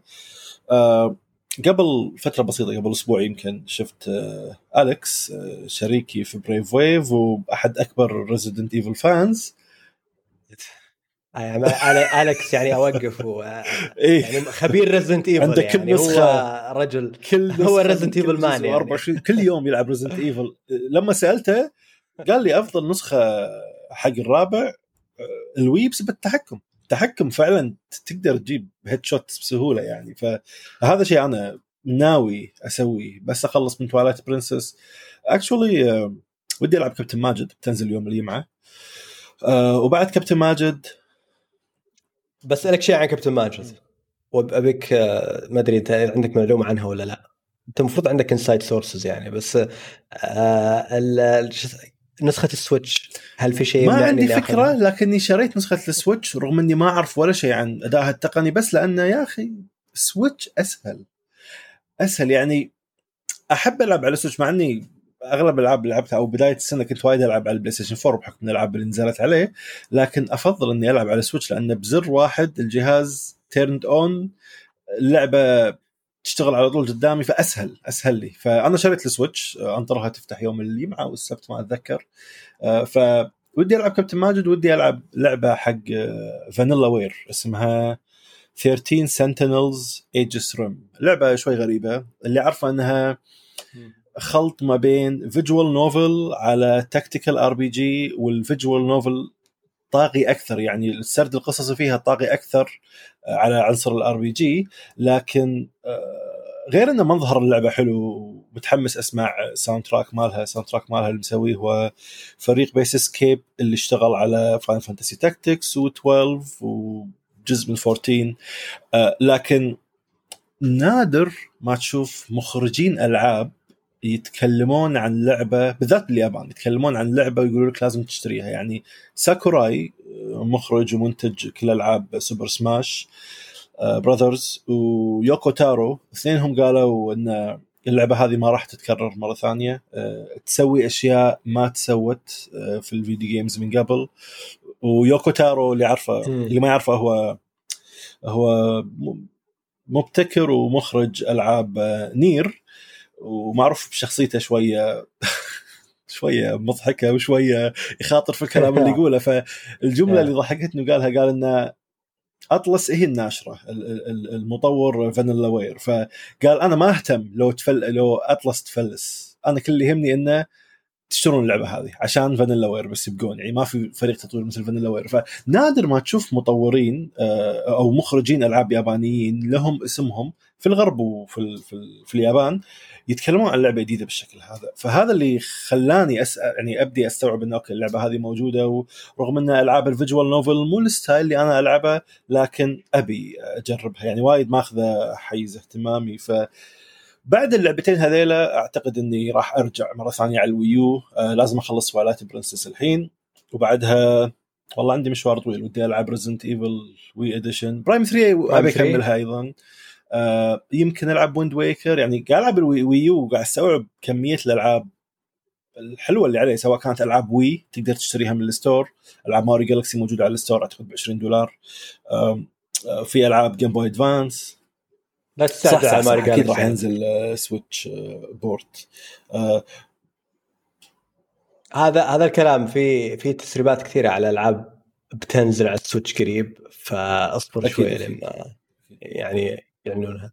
بس ألعاب برايم آه، أول شيء يعني عندي سؤالين آه، أي واحدة فيهم هي بالنسبة لك الأفضل؟ طبعا يعني بغض النظر عن أوكي 1 هي اللي جابت الفورمولا فشيل عنك هالنقطة ذي. 1 إيش هي, هي التجربه المتكامله اللي راح أنصح أي واحد فيها رغم عيوبها هذين الثلاث ألعاب يعني أنا يمكن آه، انتقدت 3 أكثر من غيرها لكن كلهم فيهم عيوب. 1 هي التجربة اللي راح أنصح كل شخص فيها لأن أحس إنها متزنة. لكن المفضلة عندي مترويد برايم 2 هي لعبة مترويد المفضلة عندي بشكل عام مو بس مترويد برايم آه، يعني كنت أتغزل مع ذكرياتي مع اللعبة لكن لما عدتها وخلصتها يعني لما ال credits اشتغلت قدامي صار فيني ما أبي أبالغ لكن أعتقد إن هذه أفضل لعبة مترويد لعبتها. وهالكلام هذا يمكن قبل أسبوعين فالحين عقب ما النار طفت وأقدر أفكر بعقلانية لا أزال أحس يعني لا أزال أحس بالشعور هذا اللي هو مترويد برايم 2 آه بدايتها شوية oppressive بدايتها تخلي الواحد آه، يعصب ويزعل ويحس بالقلق لكن بس تعدي المطب الأول هذا. كل عناصر مترويد برايم الأولى آه، يعني spider ball آه، خذوها وضافوا ضافوا كمية ألغاز ممتعة بال spider balls و bosses تباريهم وانت تستخدم ال spider ball بشكل ما كان موجود في الأول. ف تو ما أدري شلون الفترة الزمنية القصيرة هذه قدروا يسوون فيها كل كل ال improvements هذه حق ال gameplay. خذوا كل الأشياء اللي works في مترويد برايم الأولى و أعطوك extensions حق الألغاز حق ال bosses حق الطريقة اللي تتعامل فيها مع ال مع ال power ups هذه اللي عندك فهذا اللي يخليها وايد وايد ممتعة. لا تبي تتعجب شوف الفرق بين زلدا اوكارينا أوف تايم وماجورز ماسك. 18 شهر اشتغلوا عليها. غيروا جذريا في اللعبة. يعني نفس ال mechanics نفس ال graphics engine لكن غيروا جذريا فيها. نفس أحس نفس ال صح. آه، هذا شيء دائما أسمعه واحيانا أسمع إن توايلايت برنسس تعطي بعض يعني أنا أشوف في ناس منقسمة جزئين. جزء يقول برايم 2 تعطيني شعور ماجورز ماسك وفي ناس تقول لي برايم 2 تعطيني شعور توايلايت برنسس. يمكن لأن توايلايت برنسس فعليا كان فيها عالم مظلم وتدخل فيه و... وترجع له النور ماجورز يعني إيه فيه بس إنه على فكرة يقول لك انه فريق برايم 2 لما كان يشتغل عليها كلموا الفريق اللي اشتغل على زلدا لينك تو ذا باست. عشان يسألونهم كيف سويتوا العالم dark world في لينك تو ذا باست لينك تو ذا باست نزلت إيه؟ كم شيء عظيم 92 على السوبر نينتندو بس لسه أخذوا منها يعني قبل 10 سنين آه ولسه أخذوا منهم يعني أفكار على كيف يطبقون ال dark world بس أعتقد يمكن خانهم الوقت في إنه يخلون اللعبة أكثر وضوح وأكثر آه،. سهولة في الدخول لها بالمناسبة أنا عشان تتعرف على الفكرة. يعني أنا من بداية الحلقة على طول كنت قاعد طاري زلدة ورغم إني أنا أحب ألعاب زلدة 2 دي ولا عمري لعبت 3 دي لسبب ما. أعتقد كنت أمل من يعني بدايات لما تلعب مترويد برايم واللعبة تقطك في اللعبة على طول مختلف عن طريقة زلدة. زلدة تعيشك في العالم في البداية آه، في ال village تروح تسوي side quest بسيطة فهذا الشيء كان وايد يمنعني. آه، أو أنا أنا كنت مانع نفسي يعني إني استحملها فالحين وأنا قاعد ألعب توايلايت برنسس وأعتبرها أول لعبة يعني زلدا 3 دي traditional بنظام الخريطة و dungeons مختلفة. وأنا لعبت توايلايت برنسس قاعد أستوعب لأي درجة مترويد وايد اقتبست من زلدا من ناحية آه، من ناحية تصميم يعني صح إن زلدا ال dungeons صغيرة مترابطة لكن عالم مترويد فعليا كأنه dungeon زلدا كبير جدا كأنه dungeon واحد كبير. آه، حتى طريقة يعني زلدا لما تدخل فيها لما تدخل غرفة فيها elements وايد تقدر تتفاعل معاها. أول ما زل آه، أول ما لينك يدخل الكاميرا تطلع من لينك تروح تاخذ لك كذي tour كامل على المرحلة يوريك العناصر اللي غالبا راح آه، تحتاج إنك you interact with Metroid Prime في كل أول ما تدخل منطقة لأول مرة نفس الشيء. كاميرا تروح تأخذ third person حوالين المكان. في لمسات خفيفة. وأنا ألعب Zelda الحين Twilight Princess قاعد أستوعب لأي درجة Metroid Prime مدينة ل Zelda 3D يعني الحين أستوعب أن أو الحين فهمت ليش ما كان في لعبة Metroid على Nintendo 64 كانوا يحتاجون Zelda Majora's Mask وبالذات Ocarina of Time علشان يقتبسون منها الأفكار العامة لأن Zelda و Metroid فيهم تشابه ولو أنهم مختلفين. آه يمكن بال 3D قراب حق بعض أكثر من ال 2D لكن أساسا من زمان فيهم تشابه. وأحس Retro Studios أحتاجوا إنهم يشوفون شنو سوت Zelda في ال 3D space اللي إحنا الحين بنحاول ناخذه ونطبقه على Metroid Prime. فهذا نصيحة أعطيها حق أي شخص يحب Metroid Prime مثلي ولا مرة فكر يلعب Zelda يمكن لنفس أسبابي إنه يمل من البداية أو ايا كانت الأسباب اللي عندك. آه، اللعبة فيها lock-on يعني 100% Metroid Prime ماخذ فكرة ال lock-on من Zelda لأن التركيز يعني مرة ثانية أقولها it's about you having fun with the game معلش آه، محمد Mega Man Legends كان فيها lock-on قبل Zelda شيء شيء غريب إنك أنت تصلح لي. أنت أنت أنت تقطع كلامي عن Zelda وتتكلم عن Mega Man المفروض العكس. أعتقد Mega Man Legends هي أول لعبة دخلت ال lock-on system في الألعاب ال 3D بالشكل هذا. يمكن اقتبست الألعاب الثانية.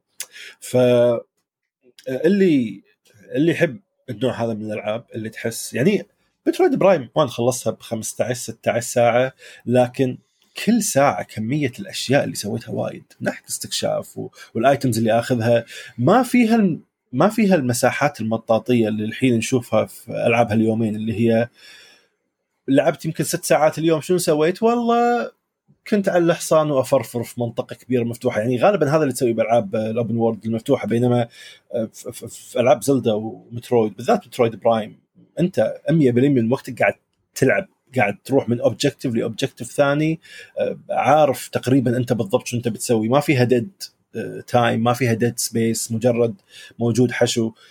فهذا هذا شيء خلاني أحس أبي ألعب أبي ألعب ألعاب أكثر كذي. مشتاق حق نوعية الألعاب هذه مالت جيل PlayStation 2 وال GameCube بالذات آه، واللي هو أتوقع ياخذ فلسفة ألعاب ال PlayStation 1 و Nintendo 64 اللي it was just about you having fun. ما كانت ما كانت أكثر من كذي. وهذا الشيء أعتبره breath of fresh air في الوقت هذا اللي صارت الألعاب كلها تشابه بعض. لما ترجع مو الا ترجع Super Nintendo لكن ارجع حق لعبة تحبها من جيلين قبل والعبها وراح تشوف لأي درجة الألعاب كانت مختلفة. وراح يخليك تعيد النظر في ألعاب الحين ويخليك تفكر انه شلون قبل كانت الألعاب كلها فعلا مختلفة عن بعض. بينما الحين لسبب ما كلهم اتجهوا إلى قالب واحد مثل ما أنت قلت التكلفة صارت أكثر الألعاب صارت عبارة عن شلون نستقطب أكثر جمهور فخلنا كلنا نكرر نفس التجربة. يمكن مو هذا اللي أحيانا تطلع ألعاب تفاجئك. على فكرة وتنجح صح نجاح صح. رهيب بدون ما تحس إنه يعني تفهم ليش يعني كيف كيف Fall Guys صارت شيء ترى مرة Fall Guys ما أدري لعبت Fall Guys ولا لا لكن رهيبة Fall Guys اي pure fun عرفت؟ نجاح خرافي مجنون. وميزانيه ما أتوقع إنها كانت تسوى شيء آه، حطوها على اللعبة. لكن صارت رقم واحد في العالم آه، لسبب ما آه، فما تدري. أنا أشوف الحين يعني هالأيام في فرص أكثر للألعاب الصغيرة إذا كانت فكرتها حلوة و polished تنجح أكثر من قبل. فما أعرف ليش triple A يعني games تعيد نفس الأفكار. ما تاخذ فرص أكثر. دائما يحاولوا يقتبسون بعض ما ي... ما ياخذون ف... يعني فكرة يعني جديدة كليا ويسوونها إلا ما يشوفون أحد ثاني بس أبي أقول شيء عشان لا ألقب اني أنا واحد أكره العاب هاليومين لمجرد أنا شخص يحب الألعاب القديمة. أنا أعتقد إن إحنا الوقت اللي إحنا فيه حاليا من من من Steam وال Epic Game Stores وكل كل الأجهزة الثانية. لو أنت بس عندك أصلا Nintendo Switch يمكن جهاز البعض يشوف أنه يفتقر لمكتبة مقارنة مع الأجهزة الثانية لكن لو بس عندك Nintendo Switch كمية الألعاب اللي ممكن تلعبها شيء مهول سواء ألعاب قديمة من ال Nintendo membership service اللي عندهم آه، ولا آه، ألعاب جديدة بورتات ولا بورتات من ال Wii U ولا أيضا ألعاب جديدة مثل Mario Odyssey ولا Breath of the Wild فإحنا الحين في جيل في كمية ألعاب كنا نحلم فيها في جيل 360 أنا أذكر جيل 360 كنا ننطر السمر اوف اركيد بحلقه نبي ألعاب ما في ألعاب. اللعبة كانت نادر ان تنزل لعبة indie آه، محترمة. بينما الحين تحس بالشهر الواحد تنزل لك ثلاث أربع خمس ألعاب ودك تلعبهم كلهم مبين إنهم ممتازين. فأنا ما أقول إن الوقت الحالي سيء للألعاب بالعكس في تجارب وايد ممتازة في تجارب وايد حلوة وفي تجارب وايد حق الناس مثل اللي يحبون مثلا Mega Man ولا Castlevania قاعد تنزل الأشياء تشبهها.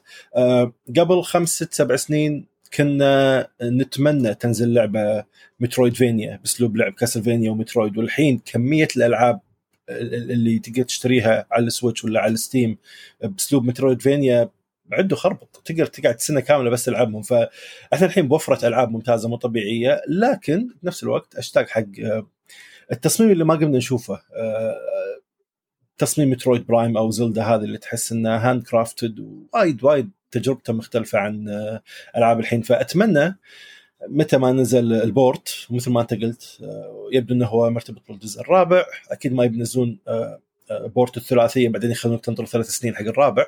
لذلك هم نوعا ما رابطين الرابع معاه متى ما عرفوا متى الرابع راح ينزل راح يخلون الثلاثية تنزل قريب منه. فإذا نزلت الثلاثية متحمس للناس إنها ترجع تعيد تسمع الحلقة هذه.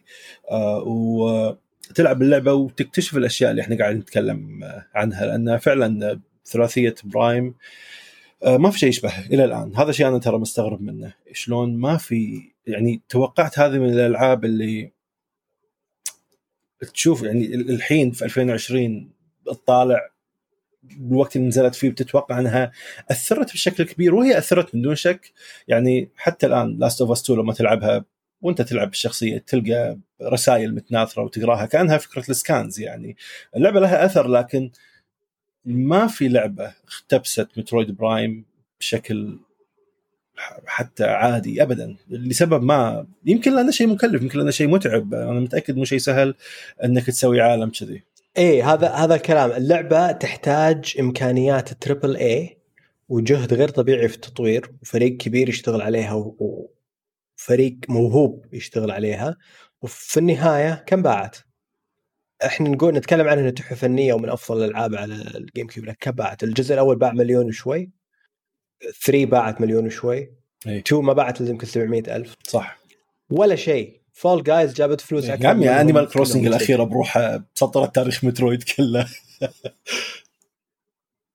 فا إيه بالضبط. يعني نتكلم إحنا عن يعني لعبة يمكن نينتندو يبون يشتغلون عليها عشانها تعطيهم سمعة تعطيهم صح. credibility عند ال fans تعطيهم legacy آه، أكثر من إنها لأنها تبيع وتجيب لهم فلوس وهذا شيء احترمه صراحة موضوع وأنا أعتقد نينتندو قاعد تشوف اللي قدرت تسويه مع Fire Emblem ومع Xenoblade لأن Xenoblade لما نزلت على الوي ما أعتقد إنها باعت وايد. ولما نزلوا ال port على السويتش آه، port الجزء الأول لعبة الوي أعتقد إنه باع مليون. آه، بما يعني انه في fans متعطشين لتجارب موجودة قبل ألعاب يعرفون عنها سامعين فيها سامعين عن Xenoblade سامعين عن مترويد برايم لكن ما يبي يشتري Wii U ما له خلق يشتري Wii U. وايد أسهل إنك تعطيه port الحين يشتري على السويتش ب 60 ولا 50 دولار ويلعبه right away فأتوقع أتوقع إن نينتندو قدرت تسوي شيء هذا بعد مع Fire Emblem. Fire Emblem 3 Houses باعت أرقام خيالية ما عمرها Fire Emblem سوتها. فأتوقع إن مترويد برايم أو أتمنى يصير الشيء هذا إن Metroid Prime Trilogy لما ينزل السويتش بسبة آه، شعبية السويتش ال port راح يبيع وايد وراح يكون مدخل حق الناس بحيث انه لما تنزل مترويد برايم 4 في قاعدة جماهيرية أكبر الناس راح تبي تدعم four بما انهم توهم شروا ال port ويمكن عجبهم. فهذا اللي أتوقع نينتندو امله عليه إنه مثل ما سوينا في الألعاب الفلانية اللي ما كانت بايعة وايد عندنا قبل يمكن نقدر نعيد هذا مع مترويد برايم وأتوقع يقدرون يسوونه. يعتمد بس على ال marketing أتمنى أتمنى يعطون حقها. أتمنى نرجع آه، ونتكلم بعدين آه، يعني إذا إذا صار في بودكاست بعد آه، هذا أو بودكاست مستقبلي نتكلم عن مترويد برايم 4 آه لما يكشفون عنها ولما تنزل إن شاء الله إن الله أحيانا آه بس أنا مش متفائل بخصوصها حاليا. آه صعب يرجعون السحر اللي خلاهم يقدرون ينزلون الثلاثية الأولى. طبعا four أعلنوها نينتندو مجرد لوجو إنهم بدوا يشتغلون عليها. أعتقد نامكو كانت تشتغل عليها فريق من ضمن نامكو كان يشتغل عليها و... وفشلوا. فانهم يسوون شيء كويس فرجعوا نينتندو أعطوها Retro Studios بس Retro Studios الحين غير Retro Studios تتكلم عن فريق مختلف. ف إيه تغيروا تماما. فيمكن نينتندو بتدعمهم بتخليهم مرة ثانية يرجعون يبنون نفسهم عشان يصيرون إيه. فريق يعني يشبه اللي قدر يشتغل عليه. أو أو إيه. فريق جديد بأفكار جديدة يقدر إنه يشتغل على شيء حتى أفضل نظريا. لكن أنا مش متفائل. نشوف شو يصير. أتمنى نشوف أنا متفائل بحذر قريب. يعني آه. أكيد عندي حماس. على الأقل يمكن المحصله النهائيه حتى اذا كانت اللعبة سيئة إن بنطلع بساوند تراك حلو لأن هذا الشيء أنا ما يمكن ما تكلمنا عنه في الحلقة لكن soundtrack مترويد برايم الأولى بالذات آه، والثانية إلى حد ما آه، شيء خرافي. و... عادة اللي يصير معنا إحنا ك gamers إن نلعب لعبة مثلا تلعب Street Fighter Third Strike موسيقتها وايد مختلفة عن كل ألعاب ال fighting الثانية. فيبدي تبدي أنت يمكن تتساءل okay موسيقى Street Fighter Third Strike مثيرة للاهتمام. شنو ال genre هذا؟ تكتشف إنه والله jazz fusion وتبدي تدخل في genre. تبدي تتعلم يعني تتعلم على genre ما كنت تعرفها في الموسيقى. والحين أنت خلاص طبيت في ال jazz fusion عندك مئات آلاف الألبومات. مترويد برايم من الألعاب القليلة اللي okay حبيت soundtrack ها آه ما في شيء يشبهها. ابدا ما في شيء يشبهها لأنها تسوت في hardware معين مو موجود الحين. آه يعني إحنا ك Brave Wave آه قاعد نحاول آه نسوي بحثنا الخاص و research خاص فينا إنه كنجي ياماموتو الملحن هذا لما سوى ال soundtrack شنو استخدم؟ كل الأشياء اللي استخدمها آه ما تقدر تستخدمها في كمبيوترك الحين لازم تركب لازم تركب نسخة ويندوز قديمة و application audio قديم عشان تركب ال synths هذه اللي تعطيك الأصوات. ف آه، هذا مو معناته انه أحس يفترض إنه يكون في أشياء تشبهها لسبب ما ما في. ما عندي سبب. ما أدري ليش. ما أدري ليش. أقدر أقول لك ليش ما في. أحد الحين قاعد يسوي أشياء تشبهها لأن الأشياء هذه مو متوفرة. لكن كانت متوفرة في الوقت اللي كنجي ياماموتو كان قاعد يسوي فيه. لذلك ليش ما حد سوى شيء يشبهها آه هذا mystery ما عندي جواب. لا لذلك متحمس حق soundtrack الرابع إذا كان كنجي ياماموتو شغال عليه. وأنا أتوقع إنه راح يشتغل عليه. إيه. آه أكيد أكيد لكن... بيرجعون ياماموتو مستحيل ما يرجعون آه, آه، ريترو على فكرة غلطوا في دونكي كونغ كانتري ريتيرنز الأولى إنهم ما جابوا ديفيد وايز بس صلحوا غلطتهم في الجزء الثاني جابوه وال soundtrack حق تروبيكال فريز خرافي. رائع.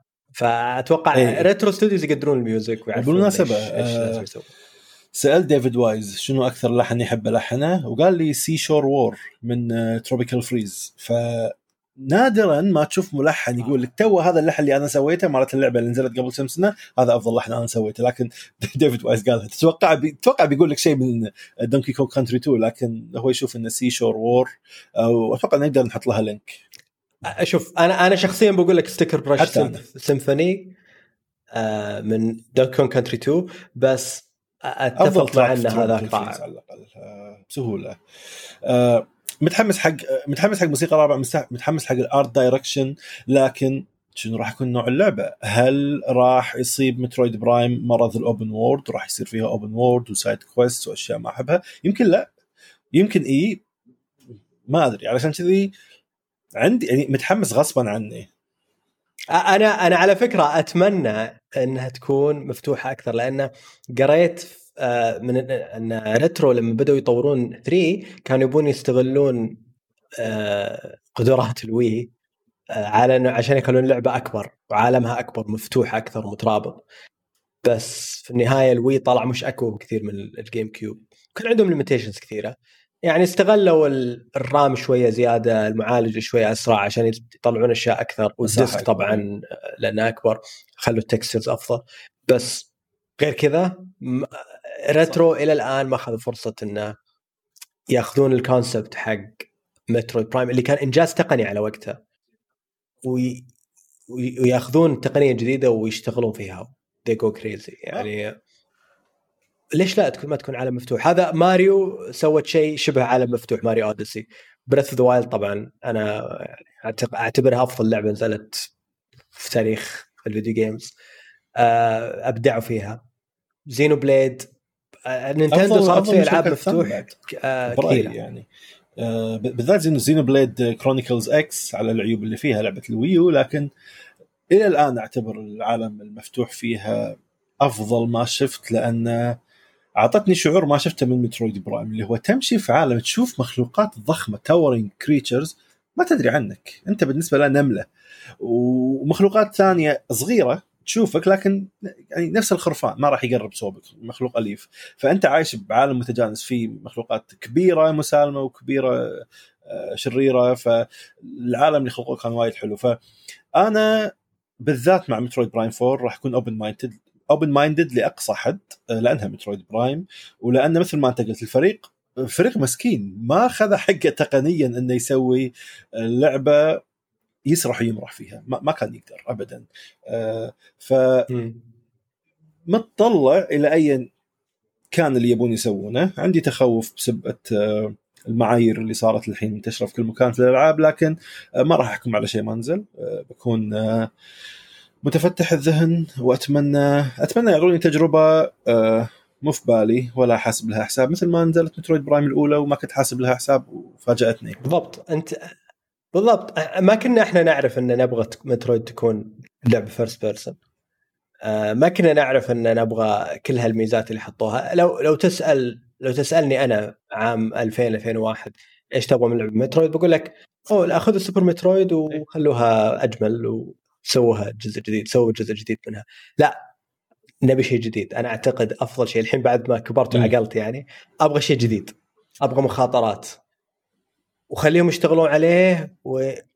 ويتقنونه إلى أقصى حد يقدرون عليه. أنا متطلع جدا. ويأخذون وقتهم فيه. تمام. أوكي. آه... قربنا نكمل ساعتين. من بدينا نسجل. واشتقت صراحة حماس. البودكاستات هذه شيء من زمان ما سويناه بالذات إحنا الاثنين يعني مع بعض. فإن شاء الله يعني أتمنى أشكر طبعا اللي وصل للنهاية. آه، دائما أنا أقدر هالشيء اللي يسمع بودكاست يوصل لنهايته سواء وصلت نهايته في نفس اليوم ولا قاعد تسمع على مدى أسبوعين والحين توك توصل نهايته. شكرا. آه، الحلقة هذه يعني شيء يعني تجريبي بس بغينا نتكلم عن مترويد برايم صراحة. لكن أنا شخصيا ويعني أعتقد يمكن محمد بعد ودنا نرجع أكثر للبودكاست ممكن حتى أرجع أسوي أشياء ثانية streaming وغيرها.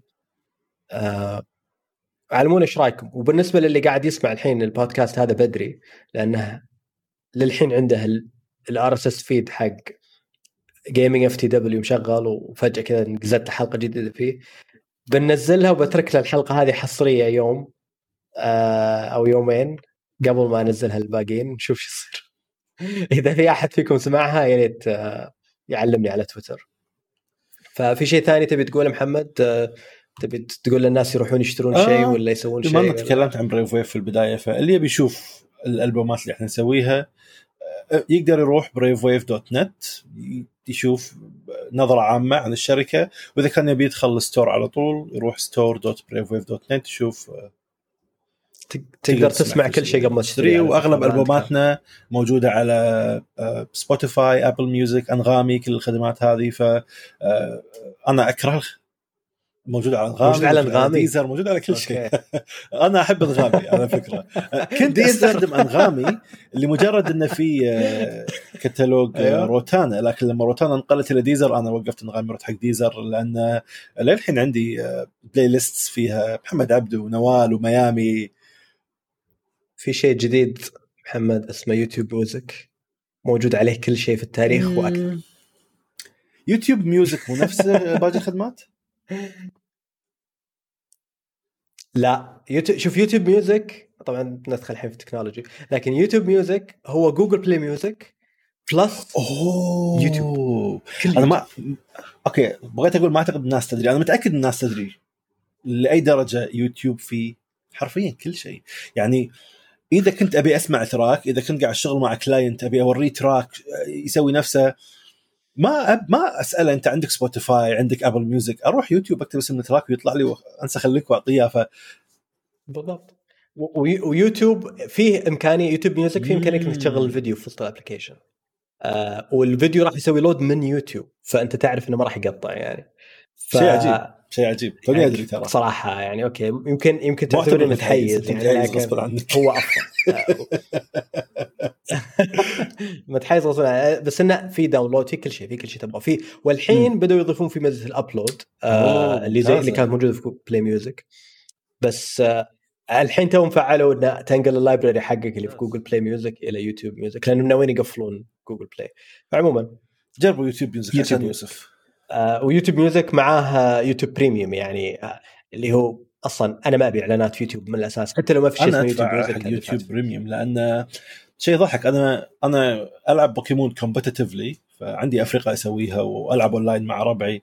من زمان ما لعبت. آه، السنة هذه يعني من شهر اثنين يمكن وقفت ألعب لأني بديت أدرس ياباني لكن إلى الآن حرفيا كل يوم بالسنة هذه آه، أطالع عندي 3 YouTubers مسوي لهم follow كل يوم ينزلون فيديوهات يلعبون online Pokémon Sword وهذا الشيء مخليني أشترك في YouTube Premium لأنه ما أبي دعايات. أبي اللحظة اللي أشغل فيها أي شيء على يوتيوب أشوف الفيديو كامل. فلما تجرب YouTube Premium لو شهر واحد أعتقد هم يعطونك شهر أو أسبوع ببلاش. آه، ما تقدر ترجع حق يوتيوب مع الإعلانات. تحس التجربة فيها شيء غلط.